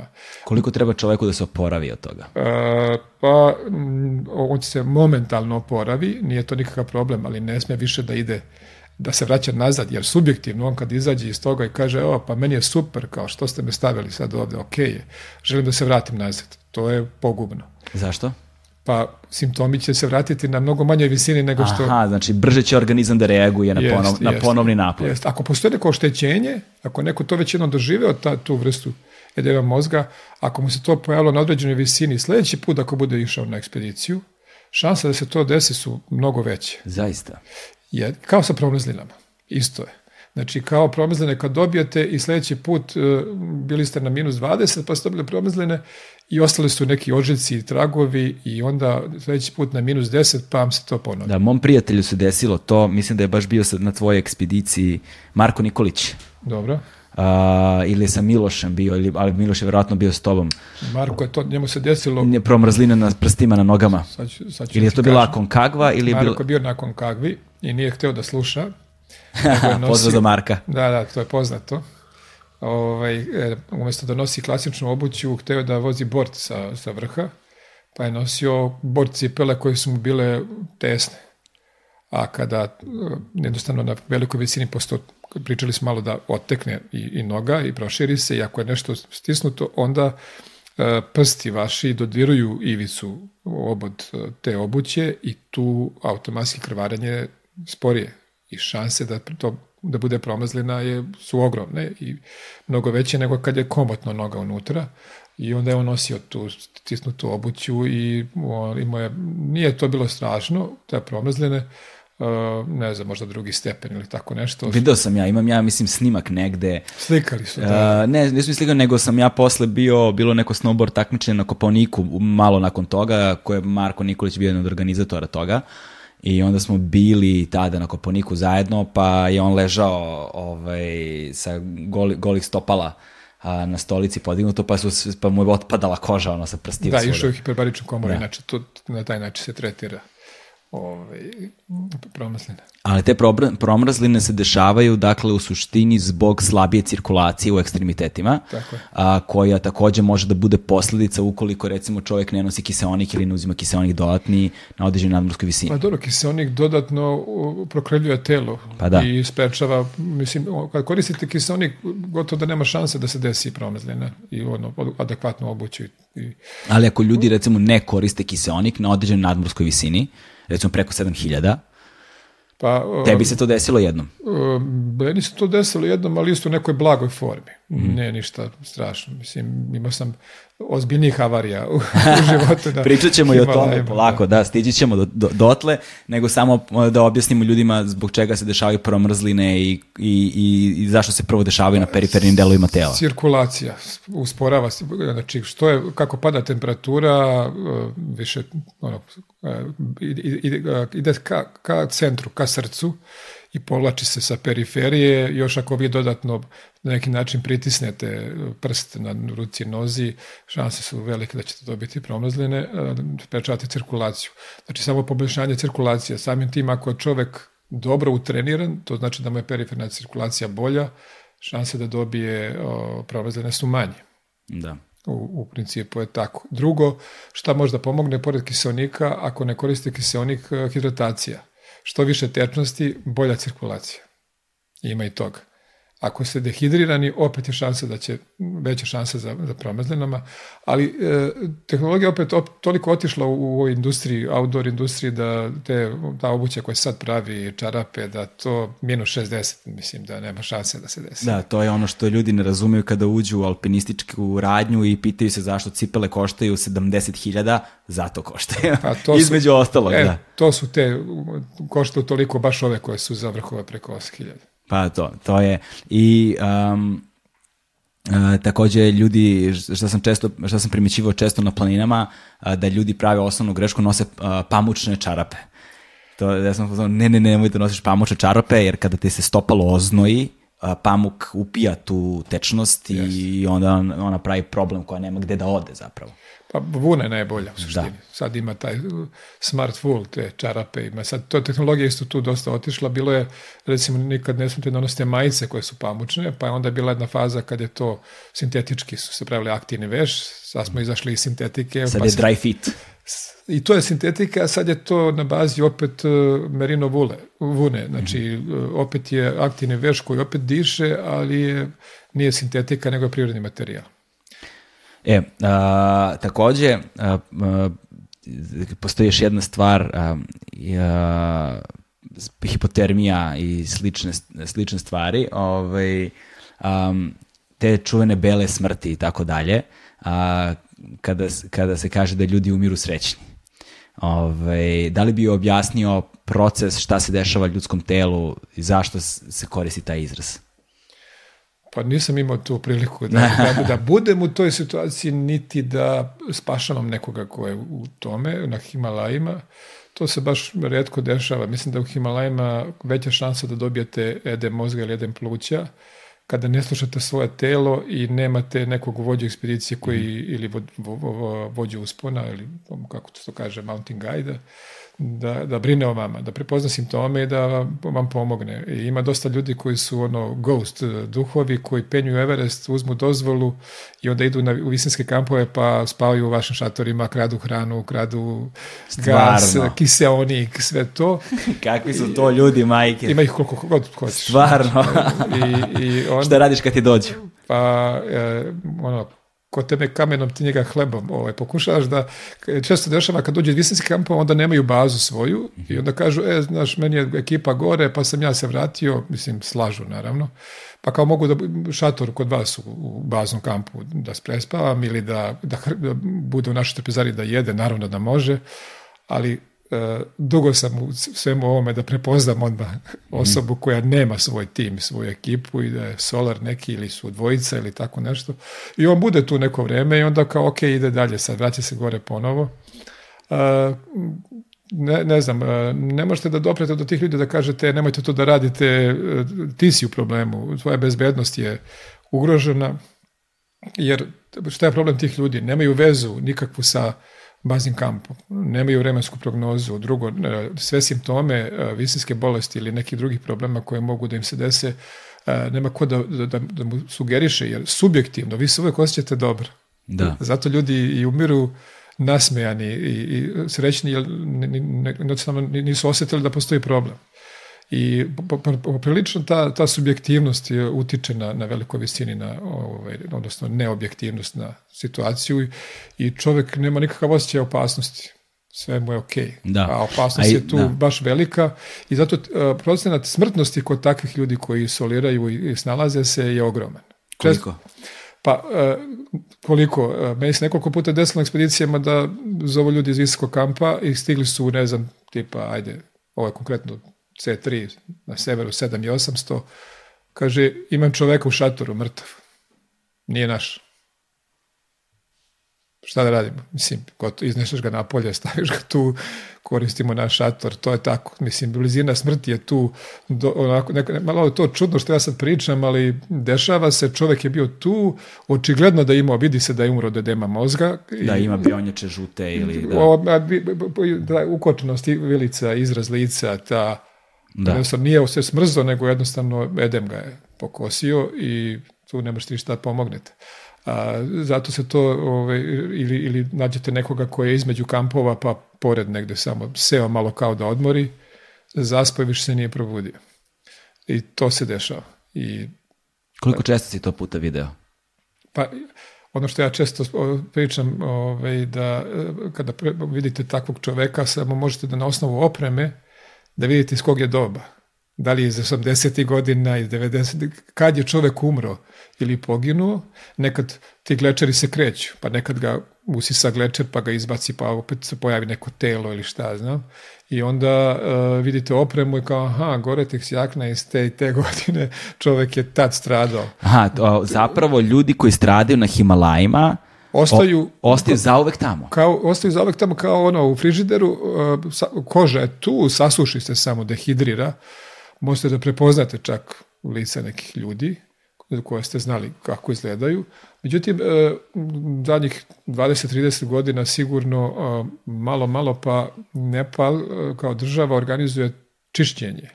Mhm. Znači, skidanje tih tela sa planine, zove nacionalne asocijacije iz kojih je zemalja osoba, E, identifikacija i tako dalje i onda se oni donose u bazni kamp i uh, odnos, ne znam, transportuju se da se ljudi sahrane i tako dalje. Koliko zapravo uh, je čest slučaj ići Himalajima i nailaziti na ljudska tela? Pa na Himalajima ne, ali od baznog kampa Everest, ako na jugu krenete ka vrhu ili severu, šanse da ćete vidjeti da će neko telo su velike, zavisi kakva je sezona da li je bilo puno snega i da li je bilo mnogo hladno, pa je ono, smrzne sve to, pa je pokrije, mm -hmm. ali ako je dosta sušna sezona i dosta je toplo i zbog ovih klimatskih promjena sad se kažu da sve više i više tela se vidi, ali i ta činjenica da se na svakih nekoliko godina spustaju ta tela u bazni kamp, ovaj, smanjuje mogućnost da ćete naći nekoga i da ćete videti. Eto, to je. Um, to je ono prosto, da li, da li neka tela ono služe kao orijentiri možda, kao e, kod ovog sa crvenom jaknom desno. to sam vidio na Manaslu, znači vrh isto preko 8000 metara bio je kao kod mrtvog Japanca, crvena jakna, tu treba da se ide desno i tako to. Mislim, malo je to onako... Delo je bizarno, ali... Bizarno, da. Ali u svakom slučaju, e, e, ranije je meo drugačiji bio odnos prema tim telima. Kažu, ono, lokalci kao umrli su tamo da su želeli da umru i ne treba dirati telo. Mislim, i drugo, e, bilo je čak zabranjeno skidanje tela jer su oni insistirali da se po tradiciji u bazi telo spali i da se ove, to pepeo spakuje i da se odnese porodici. Kao urna, da. Kao urna, da. Ali međutim ima porodica koje su rekli ne, mi želimo telo, ovi su rekli ne može. I tako da ima tu raznih peripetija oko, oko svega toga. Ja sam imao jedan slučaj gde ovaj, porodica ni, ni, na severa san Everesta čovek je umro od edema mozga i nisu hteli da, da se to radi i ostave tamo. Ove, ovaj, htio sam da pomognem u tome da se... Da, da, da. Ali su rekli, ok... Koliki je, koliki je broj ljudi, uh, standardan broj ljudi za jednu ekspediciju kada se ide na Everest? Pa minimum je šest zbog ekonomske opravdanosti. Znači dozvola je ono šest plus jedan, vođa ekspedicije plus šest ljudi i onda to... A, međutim, sad su to promenili, bila je ranija ekspedicijska dozvola, pa kao da troškove da smanjimo, sad je doplata ta 11.000 za jednu osobu, pa sve jedno je. No. Da. A drugo, po meni, sve više od deset osoba da ima ono jedan guide koji penje vrh i expedition leader, i, znači vođa ekspedicije koja uvijek, koji je uvijek u bazi, koji je anker i koji je izvor informacija sa satelita, u lokalu, e, veze, sve moguće u bazi postoje. E, neko ko obaveštava tim koji je na usponu gore u visinskim kampovima šta se dešava, da li da treba da pobegnu dole što pre od lošeg vremena ili šta god I, e, znači, čisto zbog neke evakuacije, neke reske situacije, neko mora da, da upravlja s tim. I u slučaju, da, znači na tih 10 ljudi morate imati 10 šerpa sa penjača, znači ide sad jedan na jedan. Aha, jedan, jedan šerpa, šerpa s jedan penjač. Jedan penjač. Kal, koliko li smešno izgleda, bizarno, kao sad ti treniraš godinama, trudiš se, ne znam šta, penješ se gore, a onda ide šerpa spored tebe koji ti nosi stvari, kao e, kao desi, vrate, kao meni je to svaki nosiš dan. Nosiš ti svoje stvari, ali vrlo nosiš vodu, mislim, sad je to tako. Da. I, i, i, samo da ti kažem, postoje Mm, agencije ozbiljne, njih jedno 4-5 u svetu koji su ono to razvili taj, taj posao do neslučenih granica, da ide dva šerpasa na jednog penjača, da sve radi, sve nosi i tvoje da hodaš do vrha, da penješ u stvari, da imaš dovoljno snage i plus ono doktor u bazi podrška, taj, taj suport je nenormalan i bitan i bukvalno kogod je fizički zdrav i ko hoće da se potrudi da malo I trenira. I ko ima love. I ko ima love, 70.000 dolara je, prilike. 70.000 dolara košta. Taka, takva jedna ekspedicija. I ako hoćete da imate šanse da popnete vrh, da su vam šanse recimo 80-90%, e, ako se otvori opet vreme, zavisi mnogo od toga, ali i to već tu sad sateliti rade, sve to se već zna. Uh, E, kažem, znači, ljudi, čovečanstvo napreduje, učimo jedni drugih, ono što je, su ranije greške bile, sad se to više ne ponavlja, tehnologija se razvija, taktika uspona, sad ljudi već čitaju Everest kao, ono, čitaju ga kao bukvar, znaju svaku minimalnu promenu, dašak vetra na 8100 pravca, znači, aha, to može se desiti ovo ili ono, baš, baš je to dosta napredovalo i mnogo je to lakše nego ranije, naravno. Ali, mislim, evo, ja sad pričam malo, demistifikujem celu priču. Da. Činjenica da je tako, ali ako hoćete da budete frajeri, onda platite dozvolu samo 1000 dolara i penjete novi smer na Everestu. Dozvoljeno je, ali niko to ne radi. A broj takvih ljudi je možda dvoje, troje sveta ono, pravih faca se zaleti i pokuša uspor neki, novim nekim smerom i tu vam je dozvala samo 1000 dolara. Da. Ali bi ja normale rutom ovom iz Nepala i ovom iz severa koje su dve dominantne gde su komercijalne ekspedicije, gde su svi, tu je skup, da, jer je da, tu da. lako. Da, da, pa da. Tako, ako hoćete teško nešto. Ove, ovaj, koliko poznatih ruta ima uh na Everestu. Koliko ja znam ima 14. 14 poznatih da, ruta. koje su ono zvanično registrovane. Ne znam, možda ima, ne pratim sad baš toliko ovaj, zadnjih par godina, možda ima još nekih novih ruta i ljudi se ono trude stalno da nešto novo urade. To je po meni, ono, pomeranje granica, to je pravi sportski podvig.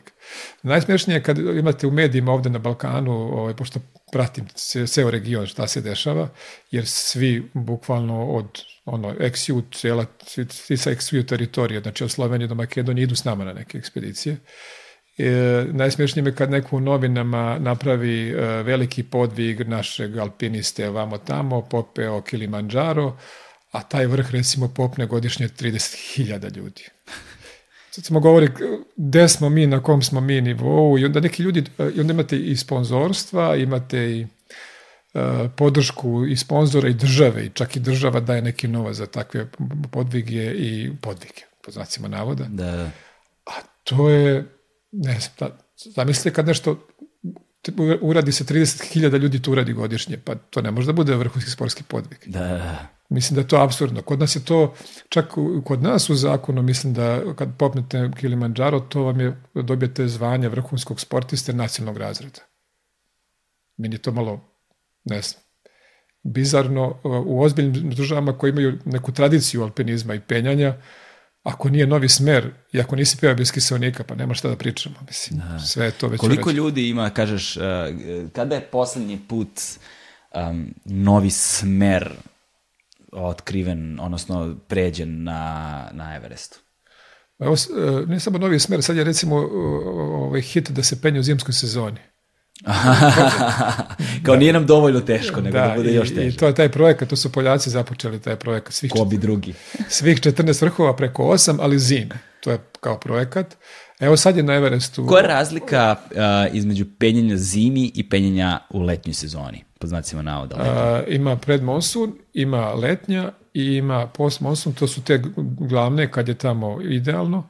Leti se ne penje u ta tri mjeseca letnja, jun, jula, augusta, to, su, to je monsunska sezona, nestabilna je puno kiše dole, lavina i tako dalje. Pa, lavina snega i tako dalje, ali je problem što sad kiše padaju, e, registrovano je da kiše padaju u monsu sezoni, to se nikad nije dešavalo, padaju na 7000 metara. Ne sneg, kiša kiša na 7000 da. metara. Da. To su klimatske a, a promene. Pri, a možemo da pričamo o klimatskim promenama u Himalajima pa, zadnjih 25 godina. Pa ja znam nekoliko jezera koje su nestale. Samo u tom periodu kako ja idem tamo, nema ih. Ima pesak, ima krug gde je bilo to i to više ne postoji. Znači, e, Himalaji su, kažu a, da su... Na kojoj nadmorskoj visini? Na 7000? Isto. Ne, jezera su negde na 4, 4,5 prilike. 4, 4, I skoro sam čitao neki izveštaj mm, ovaj, mm, Ujedinih nacija da su naj, kordiljeri, Andi, Alpi, Himalaji su najugroženiji što tiče klimatskih promjena, da se glečeri nestaju, da se povlače, da je sve manje vode u tim rekama e, koje nastaju na Himalajama. Sad ne znam da li znaš da sve velike reke Azije e, dobijaju vodu sa Himalaja, da je gore negde izvor odakle se oni napajaju Znači i, i, i Ind, i Gang, i Brahmaputra, i ovo što ide znači, prema Pakistanu, Indiji, i Yangtze Kiang, i Mekong koji ide u Indokinu, sve to negde počinje na Himalajima, u masivu Himalaja i procene su da ako ovim tempom se nastavi, da će nekih milijardu do milijardu i pol ljudi u Aziji ostati bez vode. To je, I predviđaju se neke migracije. Čito sam i tu neku projekciju, negde tamo trebalo bi da se desi to nacionalna geografija to radila sa 2035. recimo, da je realno, ako ovim tempom bude išlo, da će to da se desi. Nema da. vode, ne možete da obrađujete zemlju, klima se promenila, nema vode ni za piće, za stoku, a kamoli za poljoprivredu i problem. Da, to je ono sa čime ljudi, prosječan čovjek zapravo računa da pored uh, ekonomskih izbeglica, pored e, ratnih izbeglica koje, koje, koje, kojima svedočimo svakoga dana, jel te, na posebno nakon sukoba u Siriji i tako dalje. Jedna stvar koja definitivno čeka celu planetu u jednom trenutku su klimatske izbeglice. izbeglice. ja sam ubeđen da će posle 2030. to da, da se intenzivira i da će da krene Dakle, će, ono, živjet ćemo ko nomadi, gde, gde ima mogućnost da se živi. Gde ima vode, vazduha i ole Jeste, i ljudi će dolaziti, ne možete nikoga da sprečite da dođe, mislim, to je, to je tako. Da, ti si zapravo uh, malo pobegao od ovog aerozagađenja u Beogradu, uh, odselio si se iz Beograda na planinu, više ne živiš, živio si na Zvezdari do pre dve godine, ne? Do pre pet godina. Do pre pet godina i sada živiš na Kosmaju, je li tako? Tako je. kako, je ka, ka, kako je tvoja porodica podnala tu promenu ili vam svima prija? Pa prija, zato što svi volimo to, volimo prirodu i što, mislim, supruga je doktorirala na, na biološkom fakultetu i bavi se hidroekologijom i to je zajednički projekat, zajednička ideja bila. E, mnogo ljudi sam primetio koji, koji dolaze kod nas i kažu, wow, kako vam je super strava, ali niko ne, nema petlju da se usudi da napravi tu promenu u životu, jer ni to nije lako. Mislim, treba se malo i pripremiti, stvoriti dom, organizaciju života i sve to, ali stvarno moraš da voliš. Znači, meni je potrebno da, da gledam, da imam pogled sa terase koji je na ne, 50 km, da imam dobar pogled, da mi je sve okolo, da je priroda, da je zeleno, da pratim te promene, da vidim godišnja doba. Da. I, i, i kako kaže ovaj, Ljubivo Jeršomović kao e, na selu, kao na selu je više neba da. nego u gradu, jer mi živimo na jednom mesto gde je bukvalno 180 stepeni i u nebo i svaki put kad ono, vratim se iz Beograda i dođem na, na plac i gledam kao wow, kao, koliko je nebo, koliko plave boje, koliko oblaka, kako je divno. I, da, i, u gradu imamo... Ne samo to što je zdravije, nego jednostavno E, mentalno to neka stres i nervoza i ljudi u gradu su neki naboj postoji. Pored svetlosnog zagađenja u gradu zapravo kada posmatra se ova urbana arhitektura, nazovimo je tako, mi imamo sledovanje neba. da, da, to je potrudiš se da ga vidiš negde, a mislim, radost e, dece, a i naša, kad ti, ne znam, preskoči ogradu, srndaći i dođe tu, izgubio se, pa ili lisica koja ti dođe. Mislim, to ne, ne znam, meni to nema cenu, ono, fazani, životinje razne, tu su, mi smo baš živimo onako blizu ovaj, i šuma nam je tu i nekako živimo baš onako, baš tu da je priroda, da je, ovaj, i imamo neko naše voće, povrće, tam time se bavimo čisto zbog nas, zbog dece, nikakav spektakl, ništa za prodaju, No. Da. I trudimo se da imamo svoju energiju, znači solarni paneli, da polako budemo autonomni, naša je voda ono, izvor Gunnar, e, Ka, kako solarni paneli funkcionišu u, mislim, u Srbiji s obzirom na to da ovo nije baš Kalifornija gde imamo, ne znam, 360 sunčanih dana godišnje? Pa ako si na brdu i ako si okrenut ka jugu, super je. Ako si negde... Koliko uštediš? Ne možeš da zamisliš. Zaista? Ove, pa dovoljno je, evo, 5 kW instalisane snage na krovu ti donosi nekih 450-500 kW mesečno struje, što je više nego dovoljno da. za domaćinstvo. Tako da si nezavisno. A koja je investicija? Pa negde oko 6000 eura mislim da je e, ukupna investicija komplet taj sistem od 5 kW da nije više i on se negde o zavisnosti koliko čovek troši struje negde od 5 do 8 godina se isplati. Ali to je zatvoren sistem. Znači, te, ovde je gotovo nemoguće dobiti ono da si povlašćeni proizvođač struje pa da dobijaš nešto da prodaješ državi, odnosno EPS-u, pa da ti nešto zarađuješ.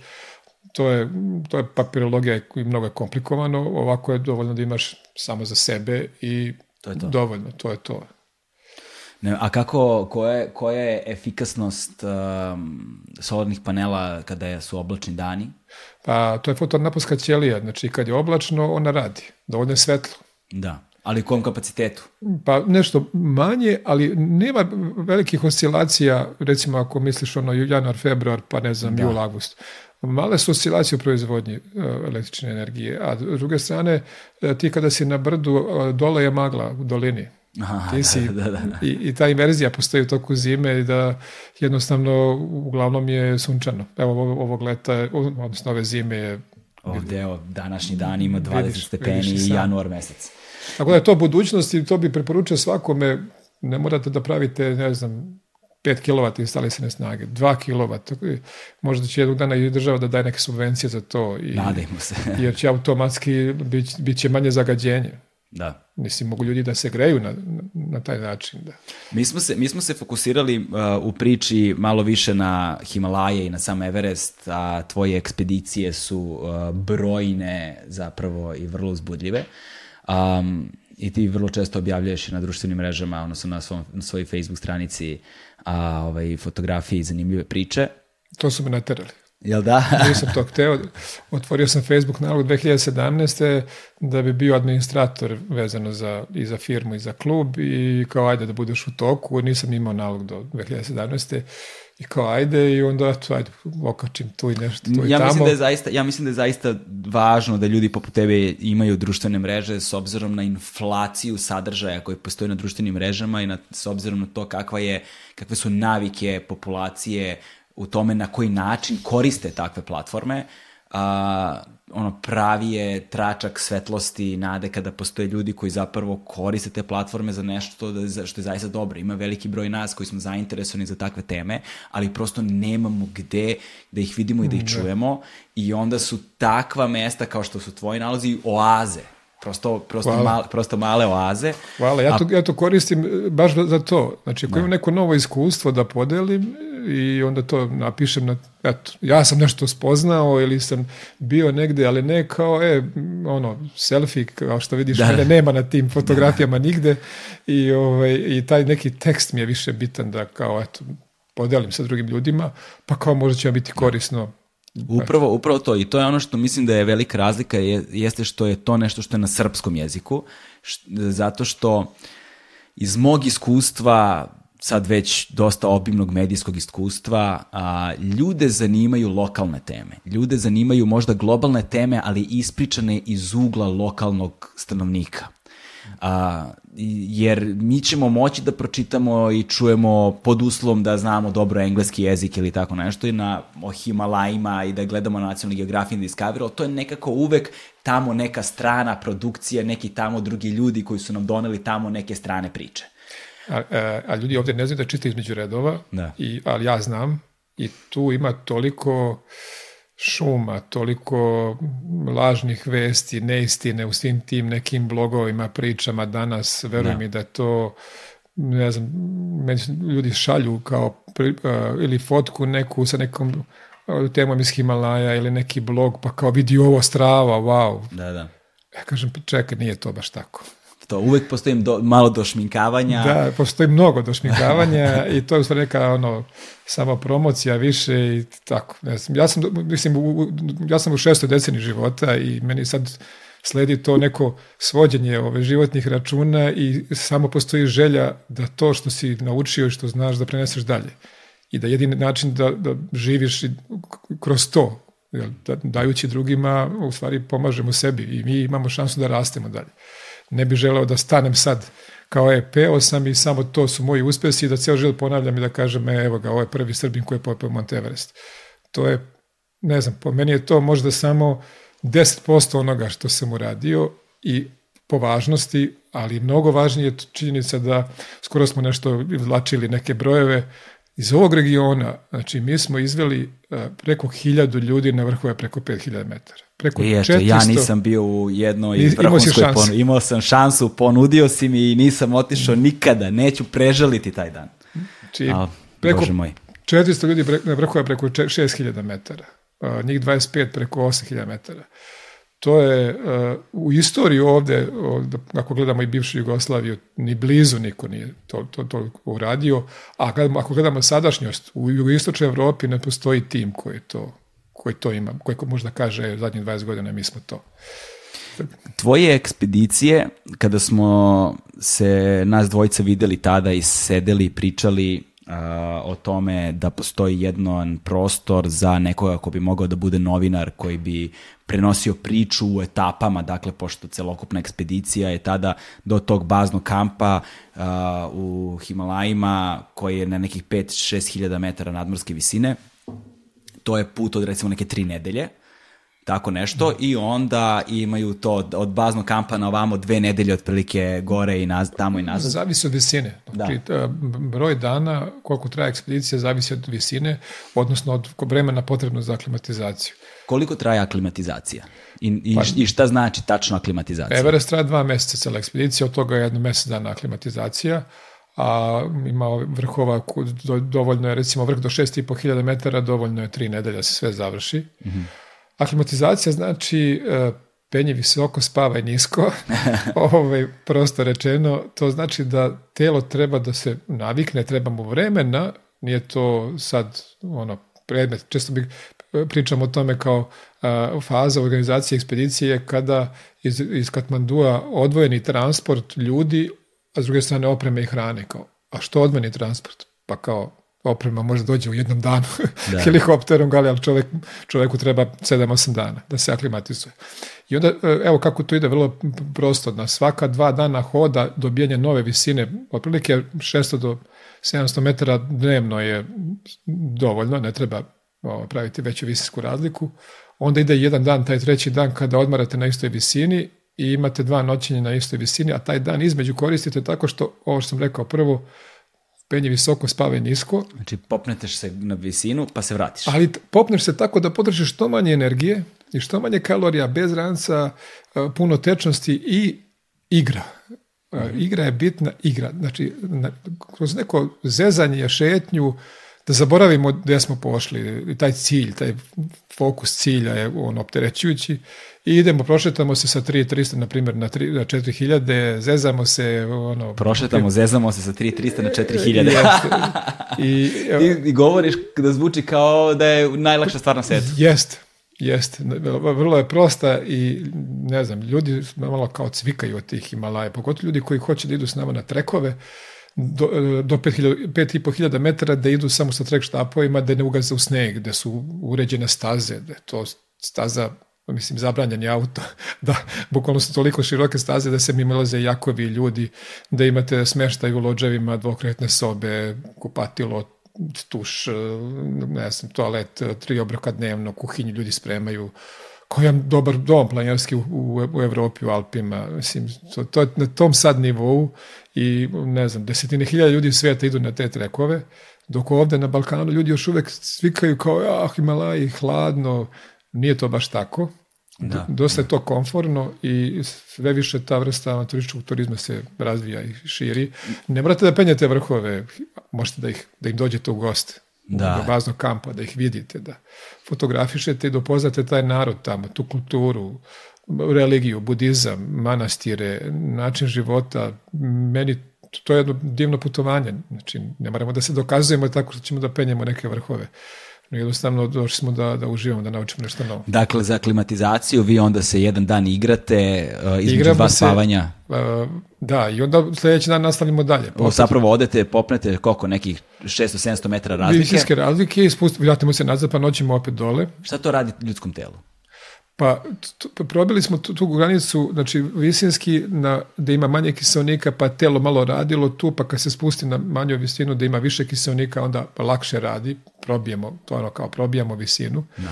i to je ta aklimatizacija, prilagođavanje visini stvari i odnosno e, slabija iskoristivost kiselnika. Mm -hmm. I na naredni dan opet krenemo, pa dva dana ponovo dobijamo visinu, pa treći dan bi trebalo ponovo dva noćenja. E sad, to je sve ono by the book, to je tako treba. Međutim, primećujem u zadnje vreme ove, da i trekovi ekspedicije se ubrzavaju, jer ljudi nemaju vremena znaš, ono, godišnji odmor, imam 15 dana, daj, bukvalno su takvi zahtevi. Imamo grupu, upakuj nam ovo u 15 dana. Kako da ti upakujem kad jednostavno telo mora se... Ba ne, možemo mi, mi ćemo da idemo i ranije, utrenirani smo e, i sve teže i teže to organizovati takve stvari, naročito ekspedicije. Trekove, ajde više manje, malo ih boli glava, pa to nije, nije neki problem. Tu helikopteri lete svaki dan, ako neko, nekom nije dobro, ima to osiguranje, ne da sednete u helikopter. Do koje nadmorske visine helikopter može da leti? 5.500 standardni helikopteri. Oni, ako je dobar pilot, može i na 6.000, da, ali vrlo je rizično ali standardno do 5,5, to je to. I mora da, da, da, da bude dobar pilot da zna, jer se često dešava da zna da, da leti na toj visini, jer razređen vazduh, potisak elise nije isti kao na ovoj visini i šta se dešava na toj razređenosti vazduha, on mora da drži stabilan helikopter u ravni, jer dešavalo se to bukvalno iscuri da padne helikopter tako što pravi zaokret u bazi i onda iskrene helikopter i taj potisak više nije dovoljan da ga održi i on iscuri bukvalno samo padne, padne vertikal. na elise dole i bam. Zapravo da. u skretanju helikopter dobije određeni ugao. Ugao jeste i onda se dešavalo da padne. To se dešavalo neiskusnim ovaj, pilotima i To je to. Što znači da preko 7000 metara nadmorske visine nema pomoći. E, ima, e, švajcarci su napravili helikopter koji, ne znam da li je ušao u komercijalnu sad ovaj, produkciju, koji može da sleti na Mont Everest i da... Može da sleti na Mont Everest. Može, i sletao je. Koliko džubreta ima na Mont Everestu? E, to je tema koja meni nikako ne ide u glavu i ništa mi nije jasno tu. Da li je to hmm. neka fake priča, da bi se uzimao novac, da bi se kao čistilo sve to i te, te slik, snimci, te slike na, na društvenim mrežama koje pokazuju kako neke gomile, džubrete i tako dalje. I meni se, malo mi to onako, e, e, nije, nešto to nije kako treba, zato što nema toliko đubreta, zato što ako jedna boca kis, kis, kis kiselnikom koja, koju ispraznite, često se te boce vide onako one žute, naranđaste, mm -hmm. na tim ovaj, gomilama, Ako ona košta 60 dolara, ako je vratite u Katmandu i toliko vam plaćaju, pa nemoguće da to neko baca. Da, da. Ja lično mislim da, su, da je to otpad koji produkuju ekspediciju u baznom kampu i dogovore se na jedno mesto da to bude, pa kad se završi, onda se to transportuje nazad. Mhm. Dakle, zapravo na tim vrhovima nema toliko otpada. Pa ja... Mi, Ti si bio, ja nisam, da ne znam. To, to, I da dođe neko koji je, mislim, neki turista ili neki treker, dođe u bazu, fotografiše i kao, wow. I onda to bude ono viralno na mrežama, drama, vidi kako je zagađeno i... E, mislim da ljudi vode računa o tome, e, s druge strane imate a, e, oficira za vezu, imate osobu koja je u baznom kampu koju ste platili, znači vi platite nepalskoj državi da dođe kontrola. Da i on dođe tu i on vodi, bukvalno imate posebno baterije, one male, tanke, velike, potrošene i to, da to bacate, da bacate ovako, ovaj otpad, onaj otpad, on to se piše i beleži. Kazne su ogromne.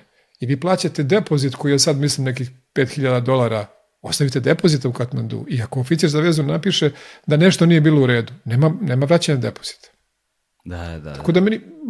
Rigorozno su ta pravila. Dakle, prosto mi je nemoguće da toliko bude, baš tolika je povika na, na ovaj, društvenim mrežama oko tog đubreta, kao što je povika, skoro je bilo prošle godine onaj snimak kao gužva na Everestu, napravio jedan šerpa od južnog vrha do vrha, gde se vidi ono Hillary Step, koji više nije Hillary Step, to je ona stepenica vertikala od nekih 10 metara, pa bukvalno posle zemljotresa 2015. godine je to srušeno pa se malo poravnalo. Sad je to samo greben i lakše je popeti vrh.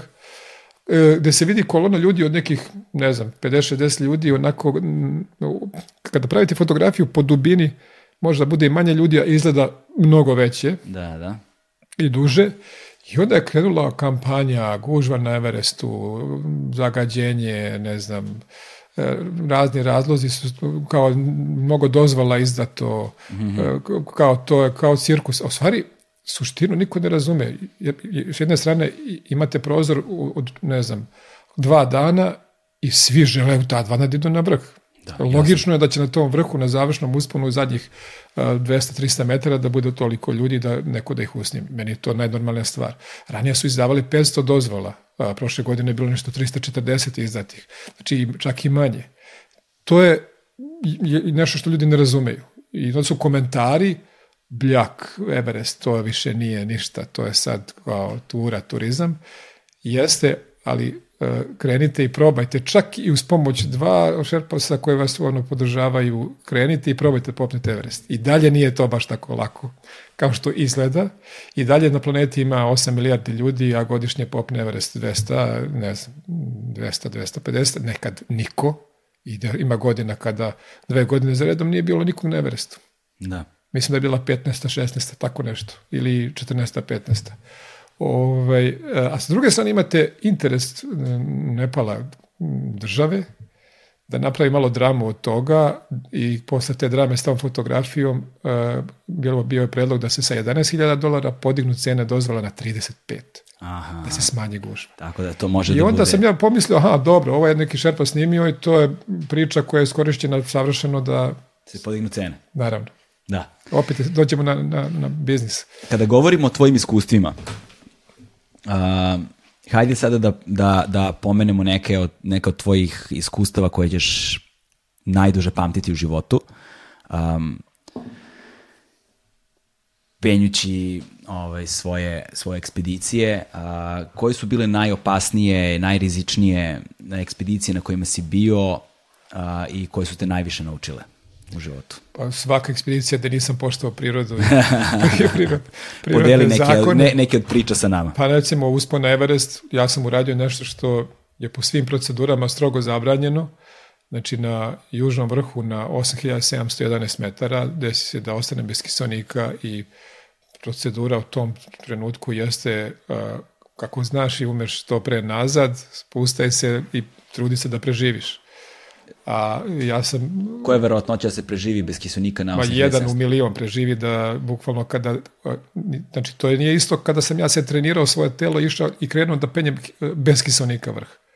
Toga ima dosta ljudi, to rade, spremaju se na određen način, ali jedno je kada vi imate dve litre kiselnika u minuti, kada dišete to i kada to nestane i odjednom padnem na nekih 35% u vazduhu, to je šansa da ćete dobiti srčani udar je ogromna, Zašto? Ja sam imao tu, evo sad ću da opišem to, ja sam imao tu sreću što sam bio štreber u baznom kampu, slušao vođu ekspedicije svakog večer, posle večere koji je pričao njegova iskustva, a čovek je stari od mene jedno 20 godina, još uvek je u Himalajima, još uvek traje. I jednom, slučajno jednom, jedno večer je pričao o tome kao koja procedura ako ostanete bez kiselnika. I ja sam to zapamtio.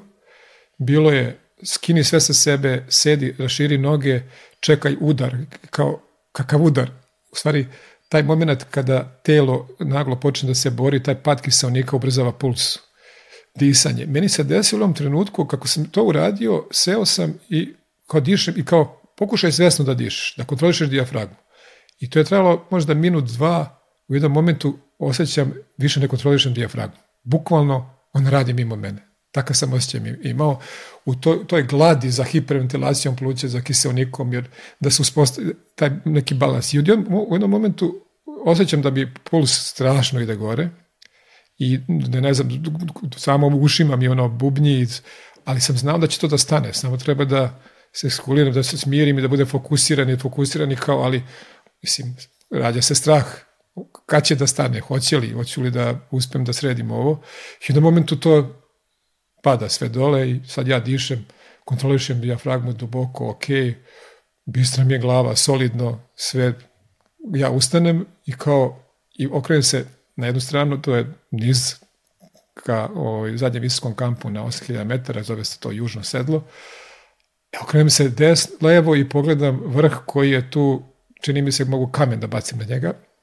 u stvari nije baš tako blizu, jer percepcija se pa ono dosta je na, na velikim visinama, na Himalajima, kad nekoga pitate koliko je daleko na tamo planina, on će reći pa ima jedno 10 km, u stvari ima 50. Mislim, vara dosta. Tako i na Everestu, taj završni greben... To je kao na vodi kad gledaš na moru, kad gledaš slično, koliko je udaljeno, slično, nema, zapravo slično. ne možeš znaš, nemaš, nemaš referentnu vrednost. Nemaš referentnu vrednost. I onda, ali ovde je vrh i a bukvalno gornja granica oblačnosti u tom momentu je bila negde na 7.500 metara, ja sam iznad. Ti si I, iznad oblaka. I problem zapravo. je što sam u tom momentu bio do, do vrha sam, osim dvojice, jednog Mingba Šerpa koji je pokojni, poginuo je kasnije na Madamlam ekspediciji i moj veliki prijatelj Tim Coven iz Amerike, iz Kolorada, oni su pre mene uh, otišli na vrh i vraćali se sa vrha, a u tom momentu kad sam ja donao odluku i pogledao vrh i rekao, uf, kako sad da odustanem, jer to je taj moment, a nije, nije samo to ono kao ego, nego šansu imaš, tu si došao i sad da, da odustaneš nazad, a opet sam se subjektivno osjećao pa kao mogu ja to. I to je greška bila ogromna, to sam kasnije osjetio kad sam krenuo da penjem ka Hillary Stepu, shvatio sam da je svaki korak agonija. Da. Deset, znači agonija? Oslikaj mi. Pa deset udaha, izdaha, pa napraviš korak dva. U... I, onda, I onda ako to ne uradiš u tom ritmu, šta se dešava? mišići se grče. Istog momenta ja, telo se počne da se savija. I kao ček, ček, fali kiselnika, nema, mislim, i onda taj ritam i to strpljenje i to je trajalo. Ja, i, i, najsmješniji moment je bio kada ja s južnog vrha imam bali, blagi spust od par metara i kačim se na jedan oštri greben i idem ka Hillary stepu. A, Tim i Mingma su se spustili i idu ka meni i sad taj moment e, susreta E, to smo par godina kasnije tim i ja u Katmandu u kafani e, u restoranu prepričavali ovaj, kad on meni pogleda me i vidi da nemam kiselnik da idem bez njega i on je, maska mu je zamagljena, zaleđena, bukvalno se rukom briše da, e, da, da, da on vidi. On je, mislim, od našeg izdaha, to sve ledi, sve ledi. Meni je brada bila zaleđena skroz dole, jer nisam nosio masku, imao sam one sve velike naočare i to. I on priđe meni i kao, kao gore, da, on kaže, ovako, kuca se po glavi i kao, si lud, kao da si svestan, to me pitao, da si svestan da si sam. Da, ako nešto se desi, nema ko ti pomogne. A zašto si bio sam? Pa zato što je partner moj odustao još dosta ranije na prilazu iznad Balkonija jednog mesta na 8,5 hiljada, negde na 8,6 on odustao bukvalno podnoži tog južnog vrha. O, e, Goran Ferlan i, i taj drugi Pasang Dava Šerpa e, napravili su nešto što kasnije, ja to tad nisam znao, ja sam tad bio samo ono, glupi penjač koji krampa ide ka cilju. A kasnije kad sam počeo organizam ekspedicije, shvatio sam da je ta procedura u tom momentu bila katastrofalna, da je vođa ekspedicije pogrešio, da je Šerpa na usponu, on je bio tad on i nas dvojica, i e, Goran je se poželio da ima promazene na nogama, posle ispostavio da nema, da je bilo samo hladno i to, i da je, e, rekao mi je, ja se, ja, ja možda mogu da popnem vrh, ali meni je frka, ja mislim da ne mogu da se vratim nazad. Uhvatio ga neki, to, to su iracionalni strahovi su potpuno normalni u takvim situacijama. I onda kreće ubeđivanje da on nastavi dalje, da mu ja kažem, pa šta je dva, tri prsta za, ja Neverest kao, ovo me gleda, ne može da verujem šta pričam. I, I onda ja kažem, dobro, ajmo zovemo vođu ekspedicije, radio veza. Zovemo, e, e. zovemo vođu ekspedicije, zove ga, ajde, vođu ekspedicije kaže, jesi pa kažemo sve procedure što treba da uradi. Jesi mrdaš prstima, ok, mrdaš, jel, ok, jel ti to prije, koliko si tečnosti popio, jel kiselnik koristiš, koji koristim. Pa kao, ti, ti odluči, ja ne mogu da ti pomognem sad ništa, to je to. U principu je sve ok. I u jednom momentu, u tom mom silnom obođivanju, želje da idemo zajedno gore na vrh, i, ovaj, činilo mi se da mu sija nešto u očima, da je odlučio da ipak da ide. I ipak se, ono kao, ne, ne, ne, i zavrti glavom. I tad Mislim, to je ta odgovornost koju, koju nosiš. E, zašto sam ja nastavio sad da penjem vrh? Zato što je bilo sramota da se vratim nazad, jer su e, mnogo ljudi je u svemu tome u podršci, sponzori. I sama situacija sa njim je bila smešna kad ja njemu kažem, on hoće da se vrati nazad, prva stvar na koju sam ja mislio vadi zastave, su kod tebe zastave sponzora, ne. Da. da ih ja uzmem kod sebi da krenem dalje. A zaboravio sam, radi uređaj, ostao kod njih, oni ga vratili nazad, da, što je mislim, ključna stvar. I kao, idem ja i znači, sećam da sam ja krenuo, nakačio se na uže i nastavim da penjem i bilo mi je u glavi kao, nemoj samo da se okreneš sad nazad, jer možda se i, ja pokolebam i vratim se s njima. ja sam se okrenuo i gledao se da penjem, a oni su se vratili. I koliko ti je... U svim procedurama, samo da završim, a, taj pasang dava je trebao da ostane sa mnom i da nastavi ka vrhu. Nije smeo nikako mene da ostavi samog, a on se ipak vratio sa njim i vratili su se lagano nazad na ove, južno sedlo. Ja sam nastavio da penjem sami i onda mi se to desilo sa vozom sa kiselnikom na, na e, vrhu. Pre nego što završiš tu priču, koliko dugo je trajao taj vremenski period? Dakle, od trenutka kad ste se vi razdvojili do trenutka dok tebi nije, nisi ostao bez kiselnika? A, ceo uspon je trajao 19 sati, gore i nazad, ta ono, borba, a od momenta kad smo se rastali, možda meni trebalo sat, sat i po da dođem na južni vrh. I trebalo mi je pa još jedno sigurno dva, dva i po sata da pređem tih zadnjih ono, par stotina metara. To je trajalo, trajalo ta borba. I onda sam ostao, znači posle kad je Tim i, i Mingba su prošli, mene oni su otišli, ja sam onda peo uz Hillary Step sam, prosto mi je nevjerovatno da sam to uspio da popnem. Da, je, mislim, uvek Šta ti je prolazilo kroz glavu tim trenucima? Ništa, samo sam znao, ono, zen, ona, prazna glava. I kada si uspeo uh Everest bez e, kiselnika. Sećam se da sam došao, na, da sam ležao na leđima iznad Hillary Stepa, da mi je trebalo vremena, koliko sam energije potrošio, da dišem, dišem, dišem, da, da dođem sebi, da sam onda ustao i rekao sam, e, bukvalno, još imaju, e, e, to su a, strehe koje na grebenu nastaju kad ona duva jak vetar pa ima puno snega i streha ovako. I sad ta streha, kad ti penješ od Hillary Stepa, tebi se čini iz ugla kojeg posmatraš da je to vrh. I ti dođeš, penješ grebenom, dođeš, a ono, op, druga streha tamo se pojavila i ti kažeš, ja, to je vrh. I ideš tamo i kao, ja, gotovo. I bukvalno tek, znači tek posle druge te strehe koje je kao lažni vrh, se pojavio pravi vrh, a znao sam da je pravi, pošto su zastavice bile od molitvene na vrhu obužene od šerpasaj i kao kad sam to video, kao i ja konačno. I onda sam bukvalno na nekih, a ne znam, 20-30 metara ispod vrha samog, toliko sam bio razvaljen i umoran i, iscrpljen da sam raskupljao snagu samo još tu da izađem, zabao sam cepe i njega sam ostavio. Sve mi je bilo teško izašao sam na vrh i prvo sam radio, seo sam na, na vrh. Kao, jedna noga mi je bila u Tibetu, jedna u Nepalu. Kao, zajahao sam. Kao, I onda sam tu sedeo neko vreme i onda kreće još veća agonija, to je, e, ja sad treba nešto da fotografišem. Ko će da mi veruje da sam bio? Tu, Ti zapravo moraš da imaš dokaz da si bio na vrhu. Napravio sam nekih osam slajdova i napravio sam, verovo ili ne, 18 minuta u kontinuitetu video snimka. Kako baterije izdrže na toj Pa držao, do tela sam ih držao, Aha. imao sam neku kameru malu i, ove, ovaj, i onda sam ubacio i onda su mi u bazi rekli ove, ovaj, da vidi, često se dešava da ljudi ne znaju, zaborave ono velike rukavice i sve to, da li je uključena, nije uključena.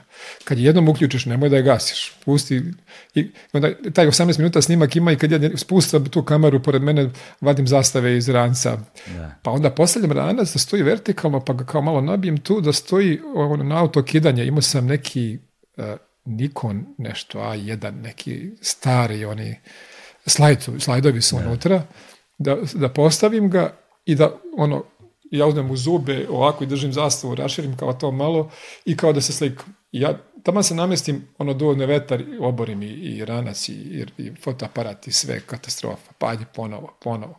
Ja sam zato tu bio dugo, bio sam 20 minuta na vrhu jer vidim po snimku koliko dugo trajao, a onda uzmem kameru, kad sam to nešto isfotografisao, onda uzmem kameru, pa snimam i on pričam, aha, ono tamo Makalu, ovo je džunga, ovo su vrhovi preko osa, pa se I ti okrem. tako, bez kiselnika boraviš tu? i pričam. Ima taj snimak. I, to, prič.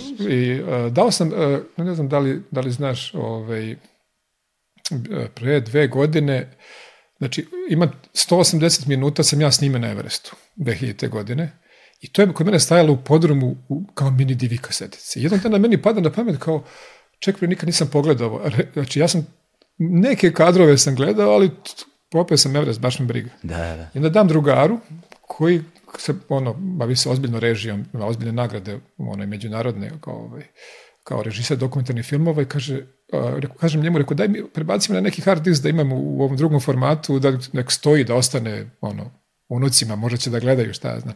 On to pogleda i kaže, pa da si ti normalan, pa ovo, znaš ti koliko ovo vredi, kao daj mi, kao da napravimo film. ja mu dam i dam mu moj dnevnik sa Everesta i čovjek napravi film koji je dobio toliko nagrada, zove se uh,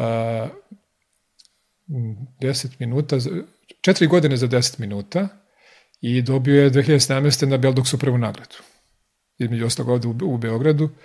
I, ovaj, i eto, to je zanimljiva priča da sam ja došao da ovaj, na premijeru filma i kao pozvao, pozvao me drugar da dođem i da budem gost i bilo je smešno. Ja kažem, ljudi, ja sam prvi put video ove snimke. Video sam ih kroz kameru kad sam snimao, ali evo, posle 17 godina prvi put i kao niko ne veruje. Rekao, moj podrum je pun video snimaka, fotografija, slajdova e, u onim kontejnerima, ne zna se. I to stoji, mislim, ono, zašto je tako? Ja sam i dalje aktivan. Ja i dalje ne. Da. nešto stvaram, radim.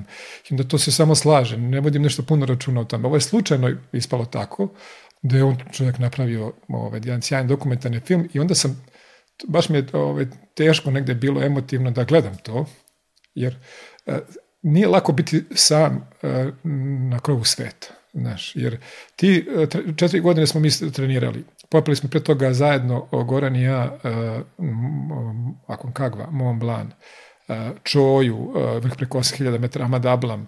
I došli smo na Everest i sve je išlo super i sad više smo uvek zajedno i bili smo tim i u momentu nema ga.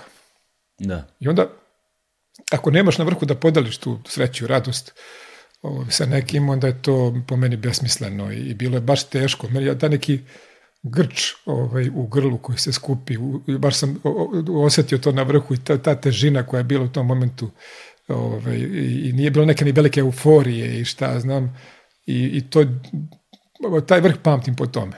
I onda kad sam vidio te snimke svoje, baš mi onako bilo teško, iskreno da to, i, i dan danas, posle 20 godina, da, po, da posmatram, da se setim tih trenutaka.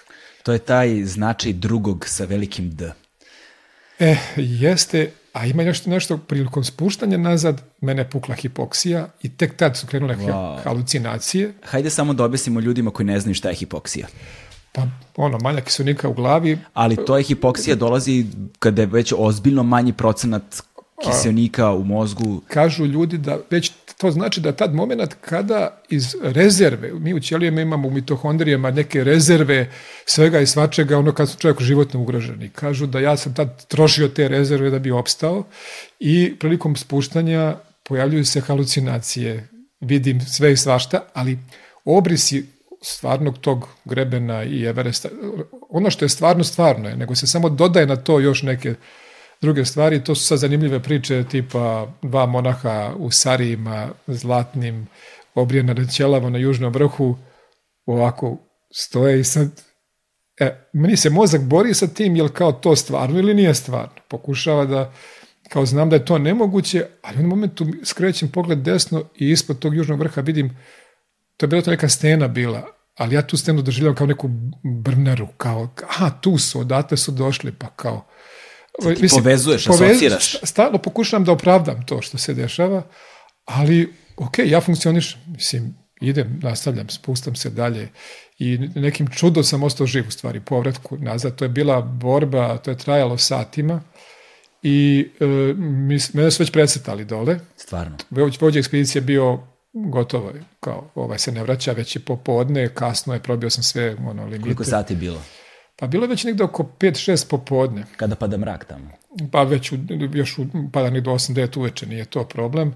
Već je e, činjenica da neko bez kiselnika koji je imao kiselnik pa je popeo vrh i vratio se nazad toliko dugo na otvorenom iznad 8000 bez kiselnika da ne može da opstane tako dugo i da može vrlo lako da zaluta, da, da se dezorijentiše. To se meni desilo na tom balkonju gde mora da se bukvalno po 90 stepeni da se skrene sa grebena niz ka južnom sedlu Ja sam krenuo pravo ka jednoj istočnoj steni Everesta, znači klizao bi jedno 3 km i nikad me ne bi ni našli. A se desilo to, ono, sreću, u tim oblasti su brzo, ono, to je zanimljivo na tim visinama što oblak je i nemate predstavu koliko on brzo ide. I odjednom ste u njemu i kako je došao toliko brzo, toliko fuf, Nema da. ga, odjedno ga nema. I, i, ovaj, i, i, sva, i sve to u tim pokretima oblaka preko južnog sedla, ja nisam vidio žute šatore. I na momentu se otvorilo nekako nebo, ne kao neka, kao neka onako rupa u, u oblaku, ja se okrenem desno i pogledam i vidim žute šatore. I bukvalno sam sebi kažem, okrenem se i o, okrenem telo i kažem dole, dole, na tu stranu. A e, jo, ovo je jako bitno. Pored toga što sam bio pažljiv i slušao koja je procedura kad nestane kiselnik, odnosno kad se ostane bez kiselnika iz boce, druga stvar je e, vođa ekspedicije rekao, ako ostaneš sam i bez kiselnika, pričaj im naglas sve što radiš. Moraš da stvoriš iluziju druge osobe pored tebe. I mnogo je bitno jer će u tvojoj glavi da pod hipoksijom da se dešava sve i svašta i pitanje je da li si se ti stvarno osigurao klipno karabiner ili si uradio ovo ili ono, ali ako pričaš, postoji šansa da to, taj glas negde kao da je to neko drugi govori šta treba da uradiš ili šta si uradio, šta nisi uradio. I to deluje. I to sam radio sve vreme i to mi je mnogo pomoglo. Ja sam naglas sve pričao i uspeo sam i onda sam kad sam se spuštao nazad, najsmešniji trenutak je bio a, taj Pasang Dava i vođe ekspedicije. Pa, mislim da je Šerpa Pasang Dava bio, imao osjećaj krivice, pa je krenuo nazad. Aha. Ka? meni i nosio je bocu s kiselnikom i ranac i sve to i onda su oni vođe ekspedicije krenuli, kad su vjerojatno vidjeli su tačku koja se spusta dole, izašli su iz šatore, došli su do mene, a ja sam bio tad u tom momentu, tek sam tad poludo u smislu euforije. a, e, meni u tom momentu, ma, ništa, meni je super. Oni su znali koliko, sam, koliko je kritična situacija, ali ja sam samo pričao kako je super, kako sam uspeo, kako je ovo i ono a oni meni daju masku s kiselnikom i, i nose bocu pored mene.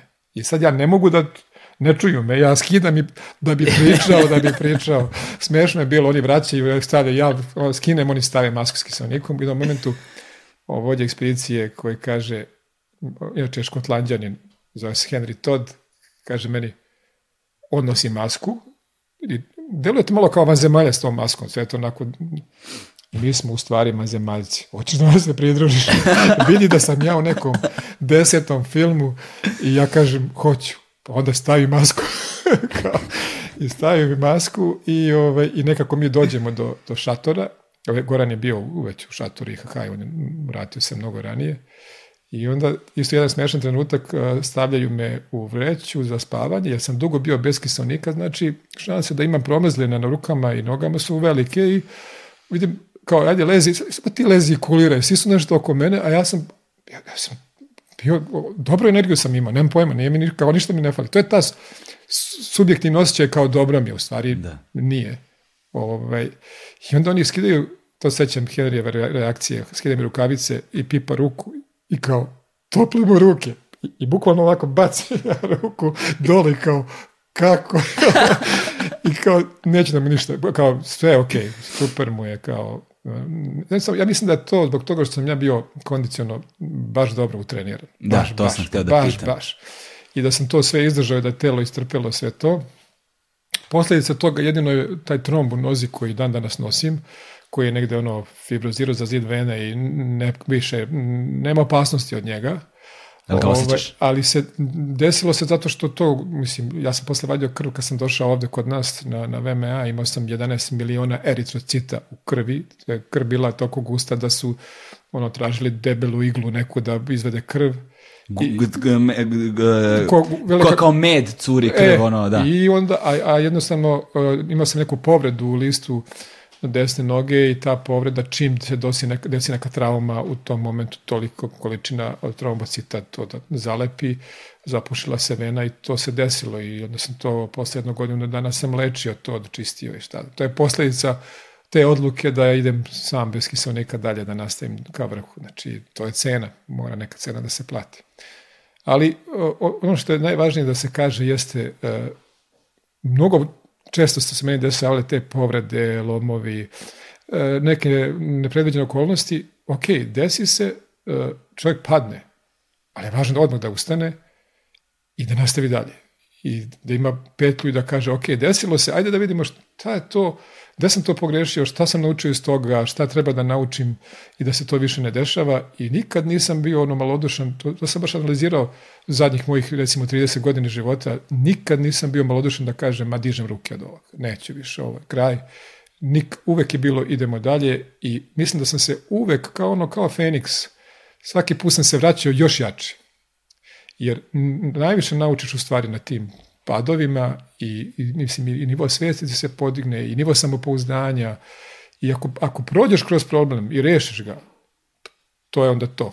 Ali ako stalno ideš linijom manjeg otpora i obilaziš ga, pa nema napretka. Nema u tvom životu, ništa se ne dešava. Ti si ono, ravna crta. Da. Mislim, to je to.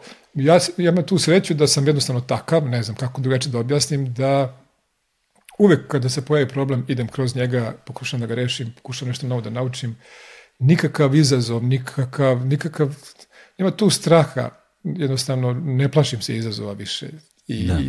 a mislim da je to moment kad čovjek prestane da se dokazuje sebi i drugima. Da mu to više nije bitno. Da ništa, te neke ego, neki tripovi da nisu bitni, već je suština važna, a suština je da ti učiš, da želiš da se razvijaš. Ima jedna divna izreka, E, mislim da je to Mahatma Gandhi rekao, kao e, živi kao da ćeš sutra umreti, a uči kao da ćeš čitati život, da ćeš živjeti večno. Da, da. I onda, i, onda sam se tu negde pronašao u tome kao, ej, pa to je baš divna izreka kao ja želim da učim uvek nešto novo, želim da saznam, ne plašim se tih izazova, jer ja lično verujem, e, bez obzira koliko E, čovek se izlaže opasnosti, bez obzira koliko se izlaže e, naporima, koliko izlaže naporima telo i um. E, ako voliš to što radiš i ako uživaš u tome, mislim da ne postoji vrh koji ne možeš da popneš i ne postoji cilj koji ne možeš da ostvariš. I vrh u ovom slučaju može da bude vrlo simbolična stvar. Vrh je uvek simboličan. I Everest je simbolik. Mislim, svako ima svoj Everest. Ja volim da kažem tako. Everest može da bude nekom bilo šta u životu. I... Ali ono što mislim da je takođe važno da ljudi razumeju jeste da vrhovi se ne osvajaju. E, da, to je na, planine nas osvoja, ne, ne mi njih. E, to je divna, ima jedna pesma na tu temu. E, Pa, to se neka kao, kao pristupio je vrh, neka, taj stari neki izraz ili uspješan uspon na taj taj vrh i tako dalje. To, je, da. to je pravilna terminologija. Nemamo mi tu šta da osvajamo. Ne Nemamo mi tu šta da osvojimo. To je, mislim, te, te, te planine su nas osvojile i mi idemo uvijek u, u, u goste njima da. na neki način. I imate jedan divan citat Ernesta Hemingwaya koji kaže jednom kada krenemo na put, važan nam je cilj, ali tek kada stignemo na cilj, shvatimo da nam je bio važan put. E, to je sad diskutabilno. e, diskutabilno ovaj, važan je cilj. Važan je gde ste ga postavili, e, uvek treba birati ciljeve koji su iznad naših trenutnih mogućnosti, čak i vizije. Da bude baš visoko i daleko, nestvarno, i krenuti ka njemu. Onda je put dobar. Da. Jer ima jedna e, budistička izreka koja je divna. Ovaj, ako tražiš cilj, ostaćeš prazan kada ga dostigneš. A ako tražiš put, nosiš stalno cilj u sebi. Da. Ali opet, kad se sve sabere i oduzme, nije samo ta priča o putu, važnosti puta, tačno. Ali a, ako smo na putu, a, gde idemo? Ako je I zašto tamo idemo? I zašto tamo idemo? Ako je taj neki cilj visoko i daleko i, kažem, simbolički, ultimativno je veliki, ogroman, nedostižan, možda nećemo doći do kraja života do njega, ali je važno da ste ga postavili visoko. E onda je taj put, ta borba ima smisla na tom putu. A opet ima i ljudi koji na tom putu ne nauče ništa. Moj deda je ovaj, govorio, konju vojsku, magarac iz vojske. I, e, i, i, i, imate mnogo ljudi kojima se tako nešto desi na tom putu i kao ništa, on kao ništa naučio i dalje ide glavom kroz zid. Da. Gura dalje. A ima, ima ljudi koji se baš menjaju i žele da se menjaju. Iz mog nekog iskustva važi neko pravilo kao od 100% ljudi koji kreću na takav jedan put, na primjer simbolički Everest, nekih 10% postane svesno sebe, svesno svojih strahova, nivoa svijesti na kojem se nalazi, kroz to kroz šta prolazi, koji je, koji je njegov stvarni potencijal, koliko u stvari može da se promeni, koliko može da bude bolji u svakom pogledu, nekih 10% postanu svjesni. Možda 1% i kad postane postanu svesni, možda 1%, možda može da promeni nešto kod sebe. Varka je da ljudi mogu da, da menjaju sebe i da te tako lako promene. Nije to lako. To je potpuno neki novi nivo i nova neka, neka nova priča. Ja sam često mislio... Ali mislim da je važno verovati u promenu. A, vera, da, na prvom mestu. Um, verovati u promenu je baš važno zato što, jer ukoliko nemamo tu veru u promenu i taj mali procenat nestaje. Pa mm, bez vere u to onda znači, neće da se desi. Znači, meni je to logično. S druge strane, mi menjamo svoje stavove stalno. Ja od pre 10 godina, sam to neka druga osoba. Takav, takav pristup treba da imamo. Znači, stalno učimo, stalno se menjamo, imamo neke stavove. Evo, na primer, ja sam duboko verovao da a, kad ode čovjek na Himalaje i kao da ga ta iskušenja silna na, toj, na tom usponu do vrha, na, u toj planini, da ga menjaju. Da on e, kroz ta iskušenja kad prolazi da bude bolji čovjek, da tu nešto svati da bude svesniji. Međutim, vremenom shvatim da možda nije tako, da jednostavno planine samo uspostavljaju dijagnozu. Da. I kažu, tako je. Planine to, uspostavljaju dijagnozu, to kažu, mi se dopada. Kažu, to si ti i da. to, da. to je tvoj karakter, tvoja ličnost. E sad, šta ćeš ti s tim da radiš, to je već veliko pitanje, da li ćeš da osvestiš to i da li ćeš, kad osvestiš, uspeti da nešto promeniš. To nema veze sa ništa se dešava na Himalajima. Tako da ljudi se ne menjaju na Himalajima, već samo planine postave dijagnozu i neko ko to, e, ko ima ogromno iskustvo u tome i često je na Himalajima, može to da primeti, može to da vidi. I može da pokuša nekom da pomogne da mu objasni neke stvari. I ako ne dopre do, ne, do njega, nikom ništa. Znači, e, zašto? Zato što tamo maske spadaju. Jedna, druga, treća. Bukvalno čovjek je tako, ne znam, ogoljen i jednostavan i prosti, to se vidi, a samo ta osoba misli da su još uvek te maske tu, pa to izgleda smešno. I onda ako nekom priđete i pokušate da mu objasnite, da mu pomognete, najčešće se za ljudi zatvaraju u strahu, pa kao otkriven sam. A onaj ko veruje u promene, on će da se otvori i da kaže, dobro, ajde kad se spustimo dole u dolinu, ajde da pričamo o tome.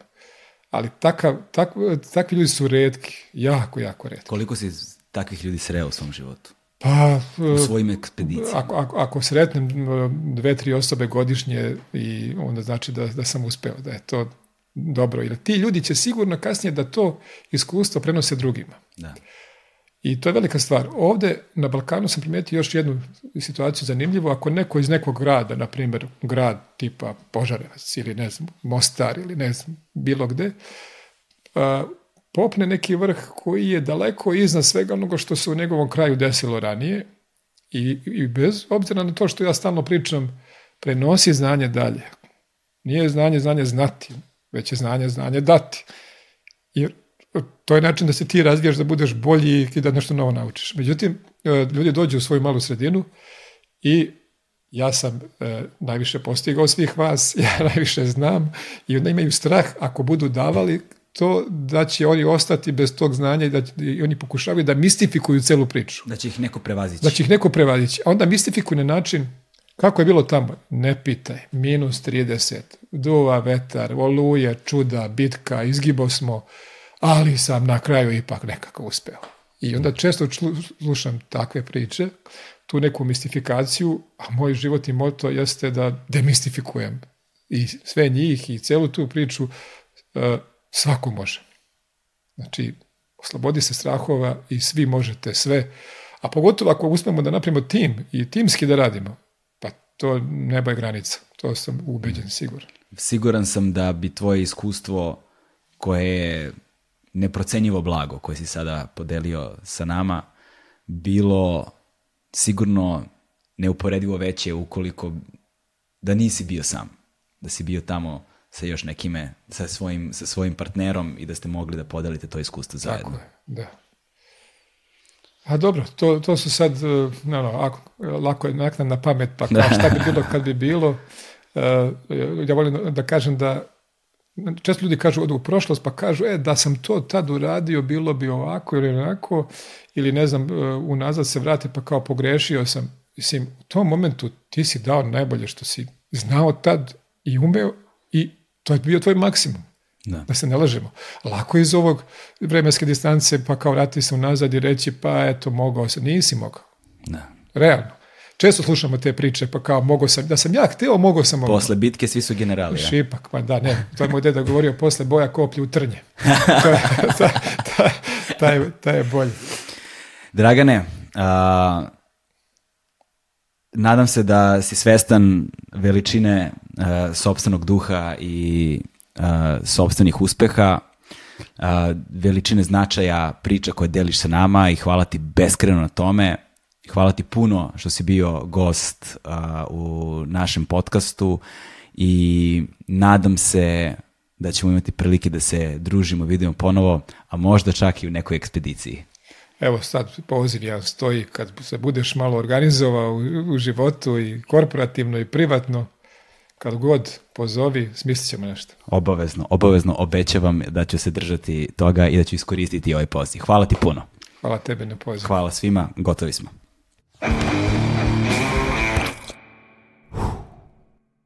Hmm.